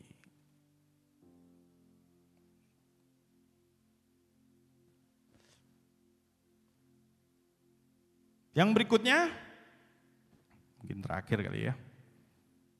Membabat habis benalu yang tumbuh. Kitab Yasar 41 ayat 22 sampai 24. Yosef menuju kepada saudara-saudaranya dan sebelum dia datang mendekat kepadanya, mereka bermaksud untuk membunuh dia. Ternyata saudara-saudaranya, di dalam cerita Yasir ini, ini banyak dimensi. Ada di dalam kitab Yasir juga berkata seperti ini, bahwa pada saat Yakub menyuruh Yusuf untuk mencari saudara-saudaranya. Ya saya nggak tampilkan ya, nanti saya ceritakan aja. Ternyata di dalam perjalanan itu, ada seorang malaikat menemui si Yusuf dan berkata, kamu mau ke mana? Aku mau cari saudaraku. Oh mereka di sana. Tuhan mengirimkan seorang malaikat untuk menunjukkan Yusuf ke arah di mana saudara-saudaranya. Dan kita tahu kan, ini kontradiksi ya. Satu sisi Tuhan mengirimkan malaikat untuk supaya Yusuf masuk ke dalam perangkap.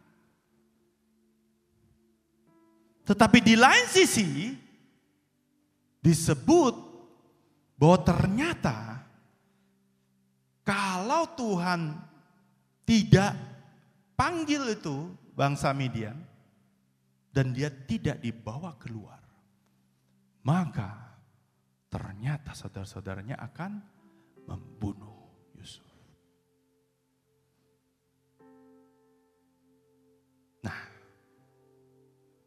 Apa hubungannya sama benalu?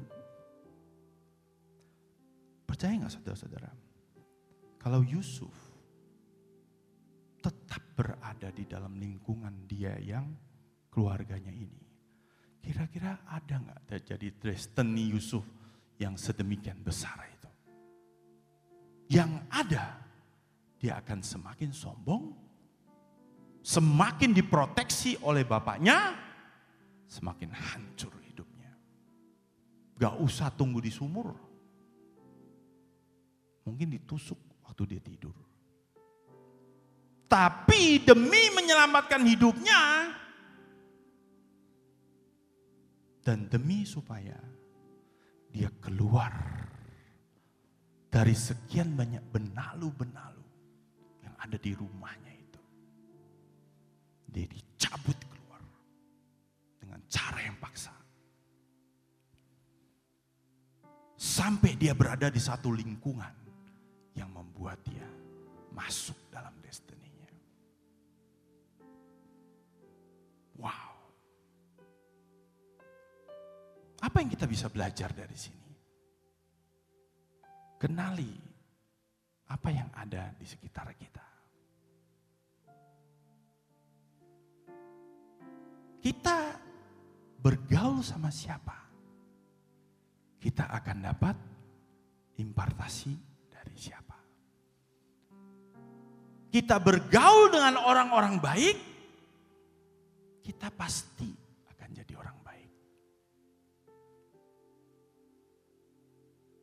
Kita bergaul dengan orang-orang yang suka peperangan rohani, maka pasti akan ada yang kita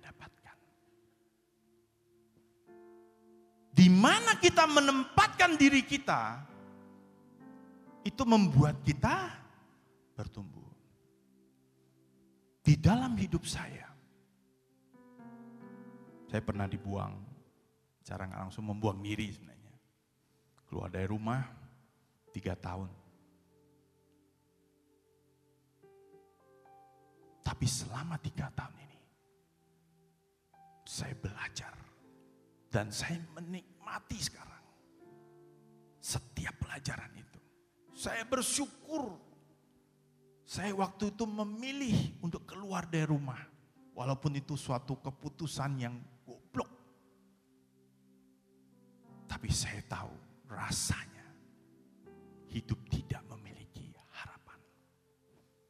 Tapi setelah itu, saya menjadi orang yang punya tujuan.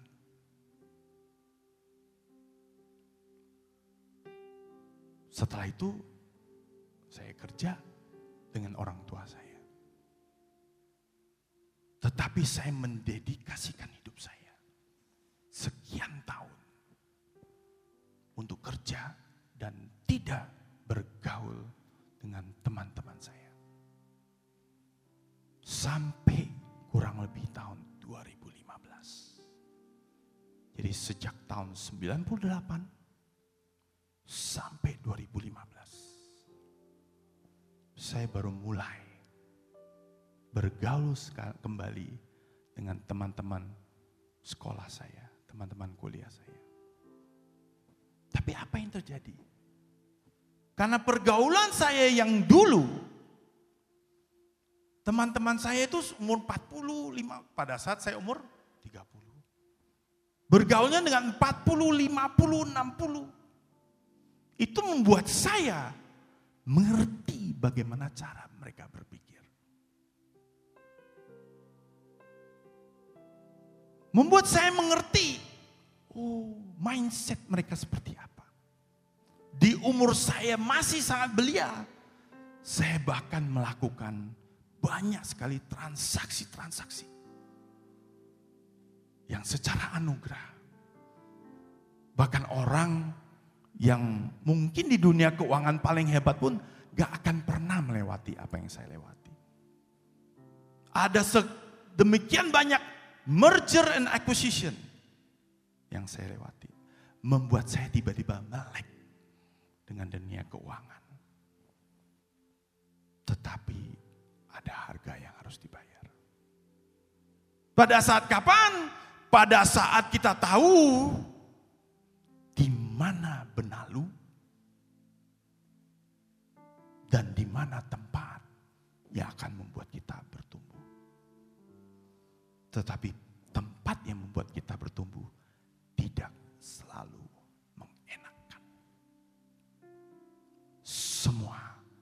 ada harga yang harus dibayar.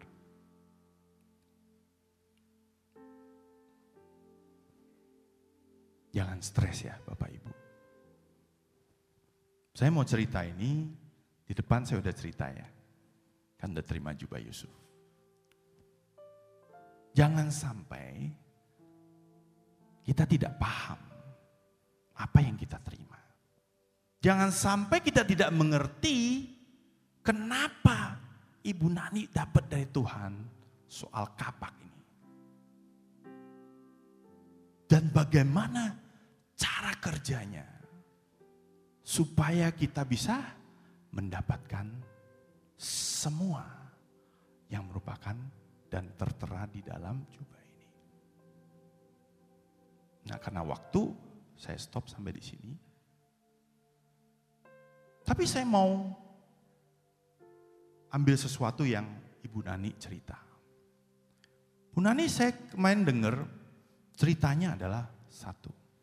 Tetapi kunci untuk mendapatkan ini semua adalah keintiman dengan Tuhan. Kalau Bapak dan Ibu ingat apa yang sudah saya ceritakan. Proses ini jelas-jelas membuat Yusuf punya keintiman dengan Tuhan. Lewat sebuah pengenalan. Lewat apa yang terjadi, Yusuf semakin kenal dengan Tuhannya. Merasakan semua bukti dia sudah lihat. Membuat Yusuf kenal Tuhan dia siapa.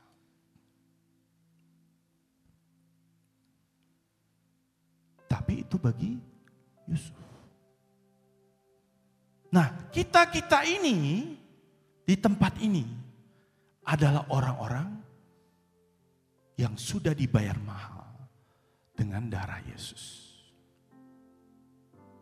Begitu kita menerima Tuhan Yesus, maka Roh Kudus ada di dalam hidup kita. Ada amin? Di zaman sekarang ini, bagaimana kita mengambilnya dong? Selain daripada kita harus mempelajari seperti apa yang tadi dikatakan oleh Pak Agung, mengambil sebuah warisan bukan dengan lay lay lay lay lay. That's not how you do it. Engkau harus menggali, membaca, mencari, berdoa tanya Tuhan. Ini kenapa Tuhan? Cari terus sampai kita bisa merasakan apa yang Yusuf rasakan. Sampai kita mengerti, sampai kita tahu arti jubah itu apa. Sampai kita tahu nama Yusuf itu sebenarnya apa. Sampai kita dapatkan semua. Tetapi bukan hanya itu aja.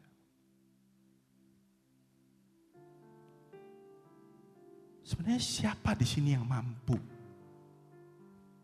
dan bisa menikmati kepahitan? Siapa yang mampu dibabat seperti itu? Lu kira Yusuf senang? Tapi pada saat Tuhan Yesus datang dan memberikan roh kudusnya kepada kita. Di saat kita punya keintiman, punya suatu hubungan, hidup di dalamnya, hidup bersamanya. Maka kalau kita mau curhat, curhatlah sama Tuhan. Dikala kita pahit, carilah Tuhan. Jangan menjauh daripadanya. Setiap pagi kita bangun, cari Tuhan. Punya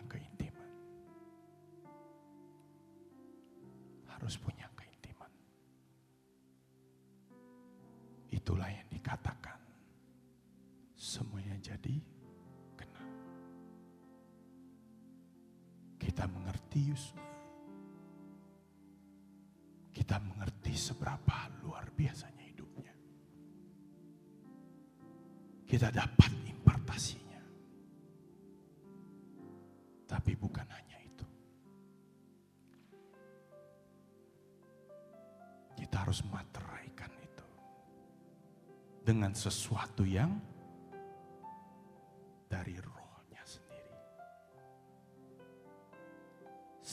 semuanya utuh. Karena bukan dengan kekuatan kita. Tetapi karena roh. Bukan karena kita. Tapi roh kudusnya. Yang mengubah hidup kita. Itu yang disebut disebut punya keintiman dengan Tuhan.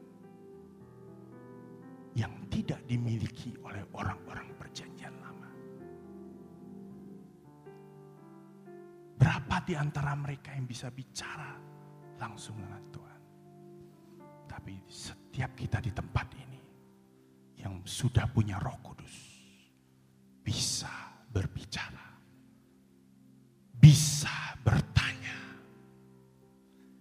bisa melewati proses, bisa jatuh, tetapi selalu bangkit.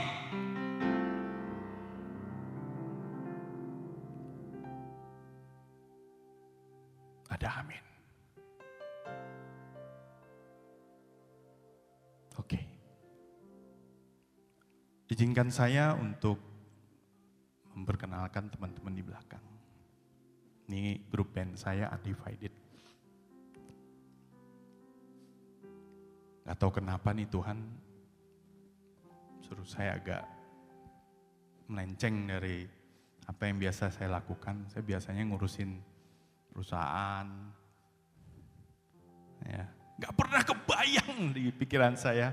Oh, tiba-tiba harus ngurusin band. Ya. Tapi lewat band ini tiba-tiba saya tahu bahwa dalam diri saya ada talenta-talenta tertentu. Ya. Tapi lagu yang akan dibawakan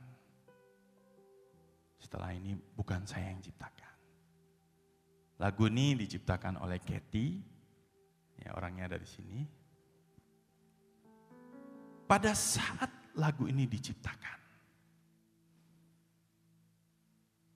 kita percaya gini, oh nih band kita nih lagu cowok terus. Mana nih lagu ceweknya? Ya. Terus Katy tiba-tiba dapat inspirasi. Saya mau sumbang lagu, wih ajaib. Ya. Dia karanglah lirik lagunya, berikan kepada kita, kita olah, kita gubah, ya, kita singkat-singkat.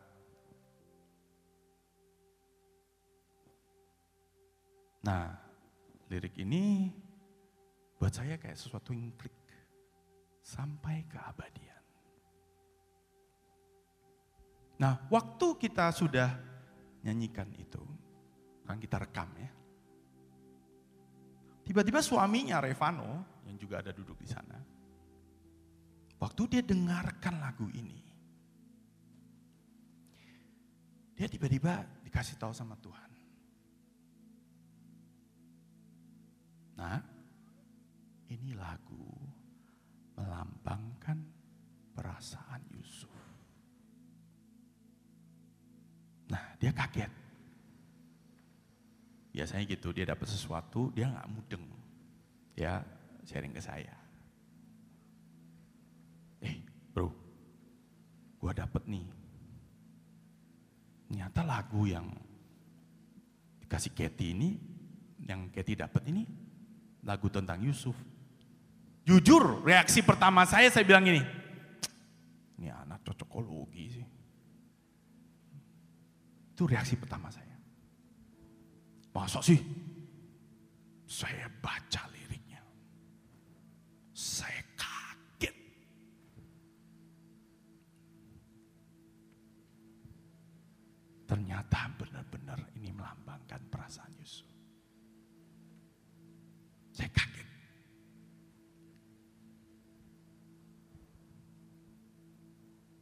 Lagu ini sedang kita sempurnakan.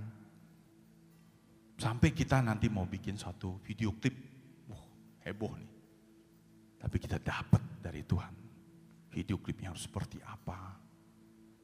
Digambarkannya seperti apa. Detail. Bagi saya mengerjakan atau ikut meramaikan band pasti itu bukan karena uang. Karena ini menghabiskan Pasti bukan saya keisengan. Karena kalau saya sepi saya bisa karaoke. Ya. Gak usah bikin band kayak ginian. Pasti juga bukan karena saya kurang kerjaan. Tetapi karena saya tahu. Pada saat pertama kali saya lihat mereka. Dan mereka latihan. Pertama kali. Saya merasakan ada hati Tuhan yang luar biasa besar di sini.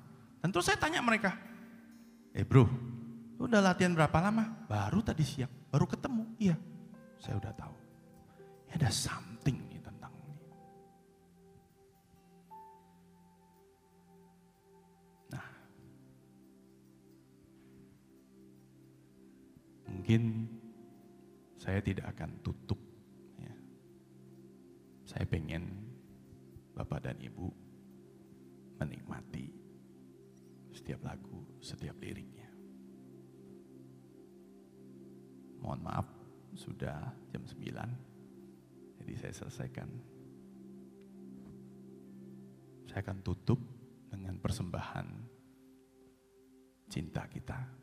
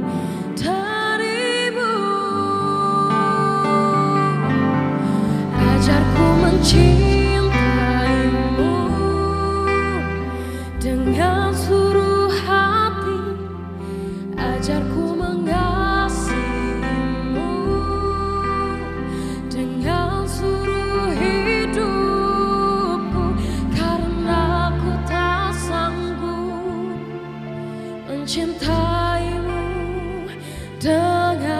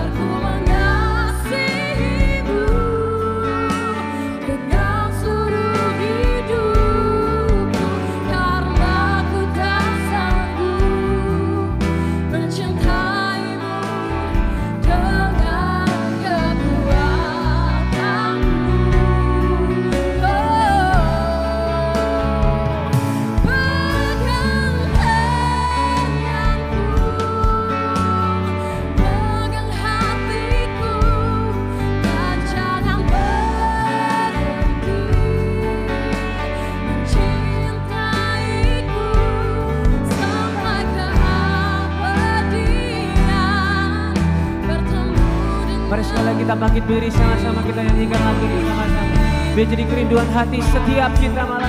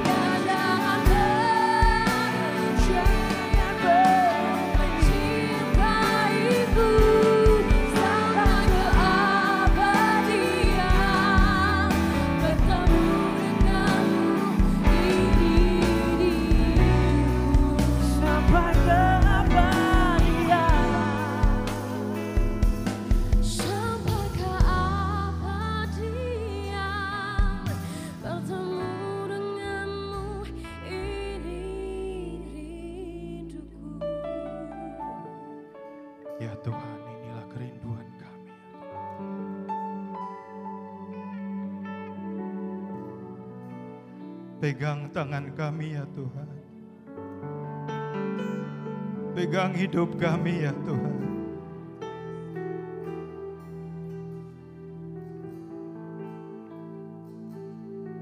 Sebenarnya kami tidak pernah sanggup untuk dapat mencintaimu.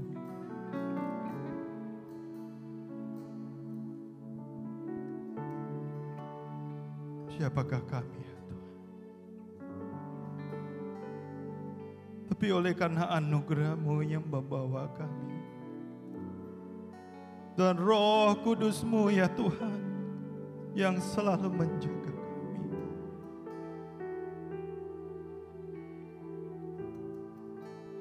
Biarlah apa yang dibagikan ya Tuhan.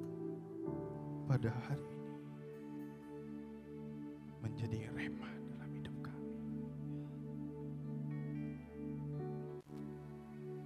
Buat kami Tuhan. Untuk bisa menikmati. Setiap proses. Setiap perjalanan. Setiap kebaikan yang ada. Yang engkau izinkan dalam hidup kami. Semua itu baik ya Tuhan buat kami. Sebab destiny kami adalah untuk menjadi Yusuf, Yusuf akhir zaman. Di mana segala sesuatunya akan ditambahkan kepada kami.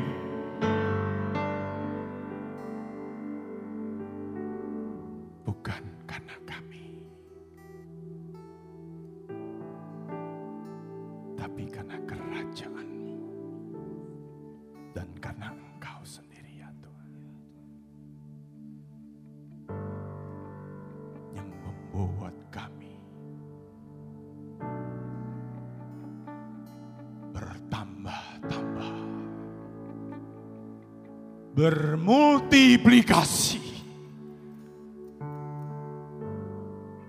memiliki wadah yang sebesar lautan,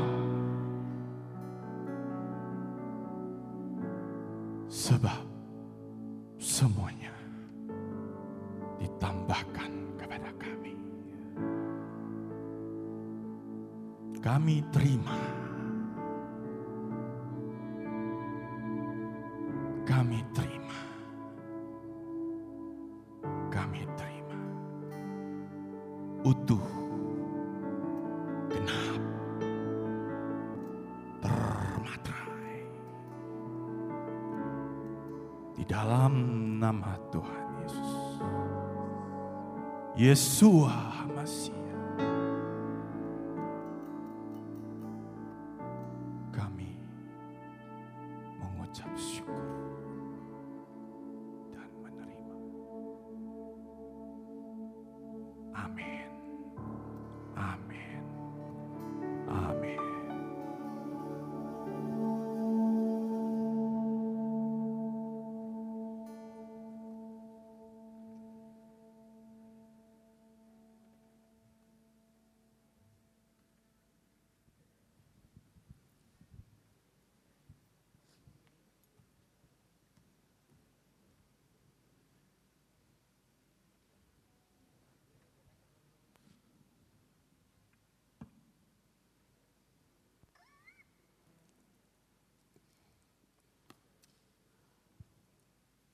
Saudara diberkati Tuhan. Saya percaya ini perdana Pak Jimmy baru pertama kali datang ke tempat ini. Biasanya datang ke tempat ini untuk ikut dalam doa saja ya. Tapi kali ini benar-benar merupakan sesuatu hal yang perdana menyampaikan pesan Tuhan yang sangat luar biasa dan ternyata firmannya nyambung dengan yang dinamakan babat habis 10 fungsi mata kapak ya. Saya percaya ada perkara yang luar biasa yang terus saudara akan disambung terus sampai semua rencana Tuhan jadi atas hidup saudara. Amin. Yuk kita sekarang bangkit berdiri, kita akan tutup dengan perjamuan kudus ya. Hari ini kita akan mengatakan kepada Tuhan, e, minta tolong Asyir bisa membagikan pada yang belum dapat, mungkin bisa angkat tangan yang belum menerima akan e, perjamuan, bisa angkat tangan supaya bisa dilayani oleh para Asyir.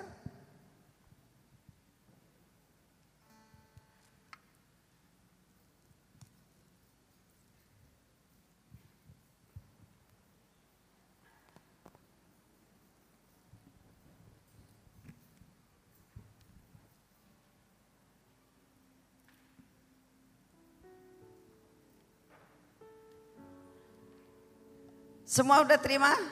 Yang di atas semua udah terima saudara? Yuk kita bangkit berdiri. Bapak kami mengucap syukur untuk firman-Mu. Sebagai ucapan syukur kami kepadamu Tuhan. Karena engkau yang mengasihi kami terlebih dahulu. Maka kami mengucap syukur ini. Kami tahu tidak ada satupun di antara kami yang bisa mencintai engkau, mengasihi engkau dengan full Tuhan. Tapi karena darahmu dan karena tubuhmu ini yang memampukan kami untuk dapat mengasihimu karena engkau sudah terlebih dahulu mengasihi kami. Bapa ini tubuh dan darahmu. Tubuh dan darahmu sebagai suatu tanda cintamu kepada kami. Engkau sangat mencintai kami Tuhan. Engkau meninggalkan akan kemuliaanmu di dalam kerajaan surga. Engkau mengorbankan akan reputasimu Tuhan. Bahkan harga dirimu kau korbankan. Hanya untuk penebusan dalam hidup kami. Ajar kami mengerti Tuhan. Pada saat kami makan tubuh dan darahmu ini Tuhan. Maka ada persenyawaan antara tubuhmu dengan tubuh kami. Darahmu dengan darah kami yang membuat Tuhan Yesus kami bisa mencintaimu. Terima kasih untuk anugerahmu. Dalam nama Tuhan Yesus, mari kita makan dan minum.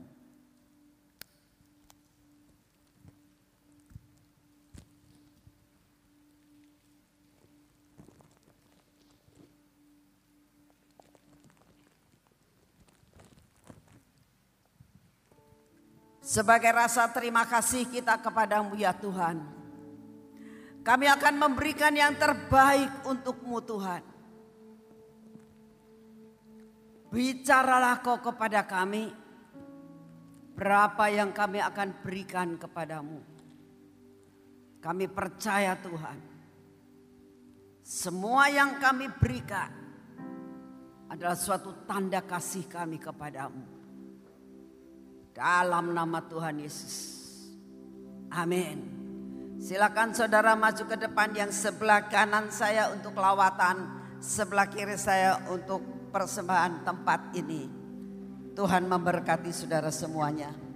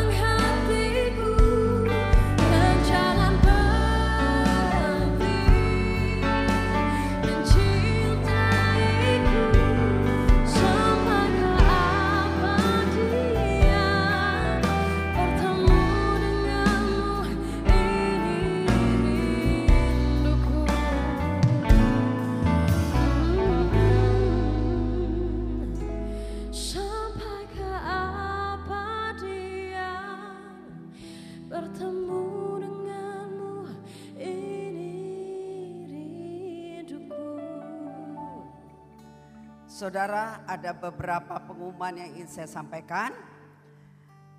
Atas anugerah Tuhan, saya merasakan uh, Tuhan menginginkan untuk khotbah babat sampai habis 10 fungsi mata kapak itu harus dibukukan. Ya. Oleh karena anugerah Tuhan dari salah satu anak rohani saya uh, me me menyanggupkan dia bilang oke okay, bisa dicetak ya dan akhirnya dicetak menjadi empat buku ya.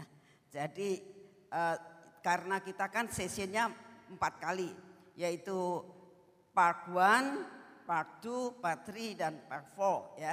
Empat buku itu yang sudah di eh, ada di tayangan ya.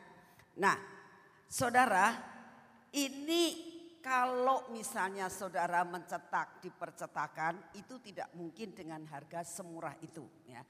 Ditekan, tekan dan ditekan yang empat buku harganya cuma 30 ribu. Ya. Satu sepuluh ribu pun tidak ada, tidak ada yang satu sepuluh ribu, kurang dari sepuluh ribu. Tapi kalau saudara mengatakan, ah saya mau ambil yang part 4 aja.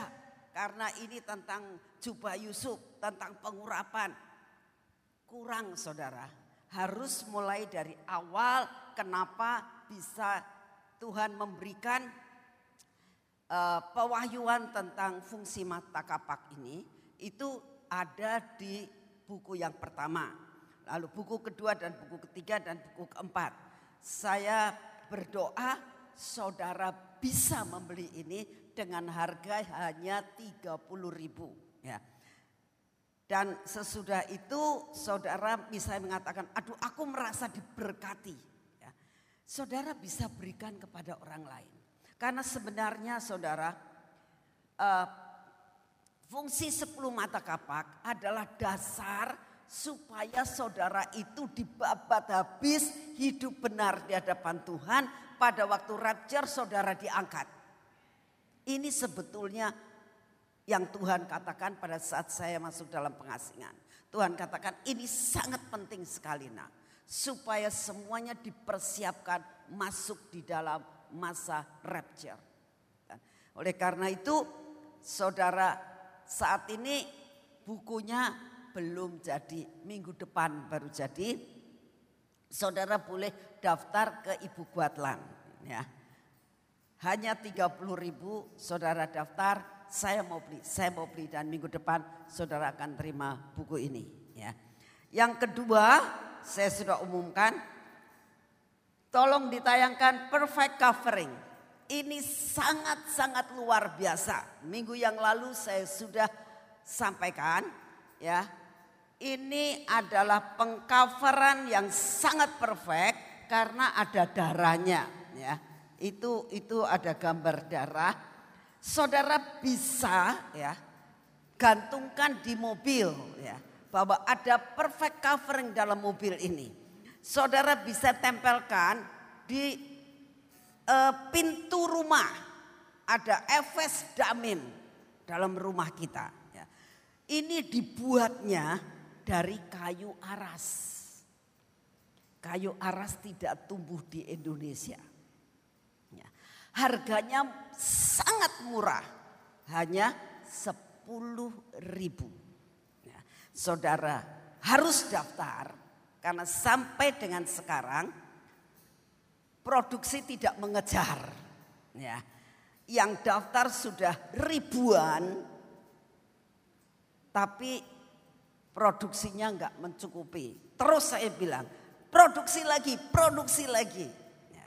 Saudara, saudara kalau beli cuma satu, teng kata orang Sunda ya. Keterlaluan, harga sepuluh ribu. Ya. Saudara paling sedikit belinya sepuluh, dua puluh, seribu saudara. Ya. Saya percaya Pak Jimmy akan beli seribu ya Pak. Ini sangat luar biasa. Kita bisa buat souvenir untuk orang lain. Nah, biasanya, biasanya nih saya selalu ya sudahlah tak bagi, tak bagi. Kali ini saya bilang suatu pengcoveran tidak gratisan. Ya, perlu bayar harga. Mendapatkan warisan perlu bayar harga. Betul? Yusuf bayar harga. Saudara bayar harga untuk diberikan kepada orang lain. Saudara perlu bayar harga ya. Ini pun harus daftar saudara kepada Ibu Kuatlan. Sampai saat ini yang sudah pesan 700 ada barangnya enggak sekarang? Ada ya. Yang kemarin ini sudah pesan semua hampir 700 sampai 1000 itu barangnya hari ini sudah ada ya. Saudara yang lain ayo daftar cepat buat saudara yang streaming hari ini cepat daftar saudara karena uh, ini pun tidak terlalu banyak saya uh, nyetaknya ya.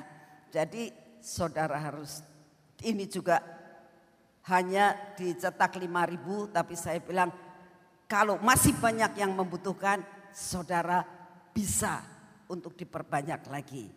Saya percaya saudara mengerti akan apa yang saya maksudkan. Hal yang lain yang ingin saya sampaikan adalah di sebelah kanan saya ini dari pihak saudara-saudara yang bergerak dalam lawatan.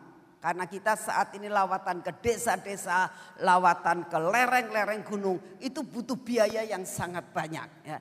Jadi uh, saya berdoa supaya saudara menghargai akan ibu-ibu dan saudara-saudara yang mau mengatakan begini, Bu, untuk lawatan ini pengen jualan. Nah, saya tahu jualan itu sebetulnya hasilnya nggak seberapa, saudara.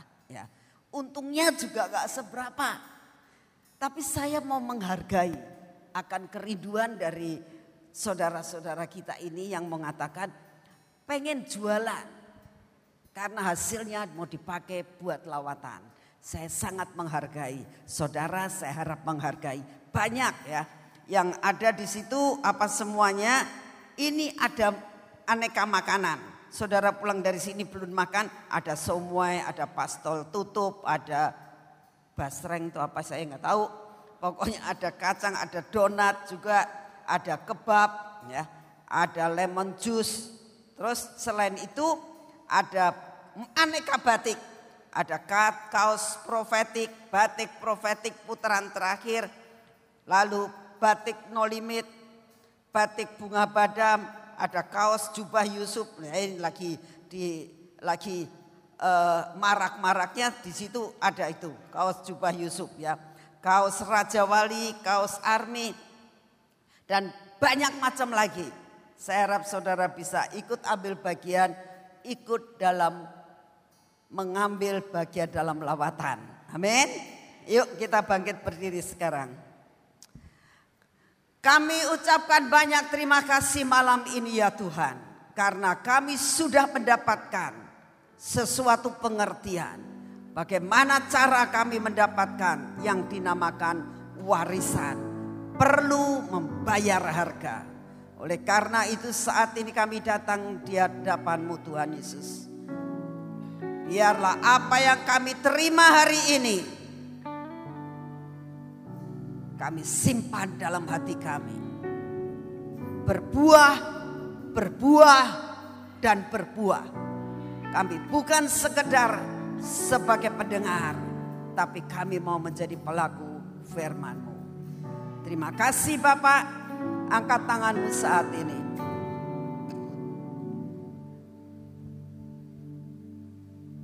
Segala berkat yang terbaik yang dari surga turun atas kami. Tidak ada satu yang baik yang tidak kami terima. Kami pulang dari tempat ini, kami membawa berkat yang terbaik dari surga. Kami membawa semua berkat yang turun terhadap Yusuf, terhadap Abraham, terhadap Ishak, terhadap Israel menjadi milik kami. Bertambah-tambah, bertambah-tambah. Terima kasih Bapak. Dalam nama Tuhan Yesus kita katakan sama-sama.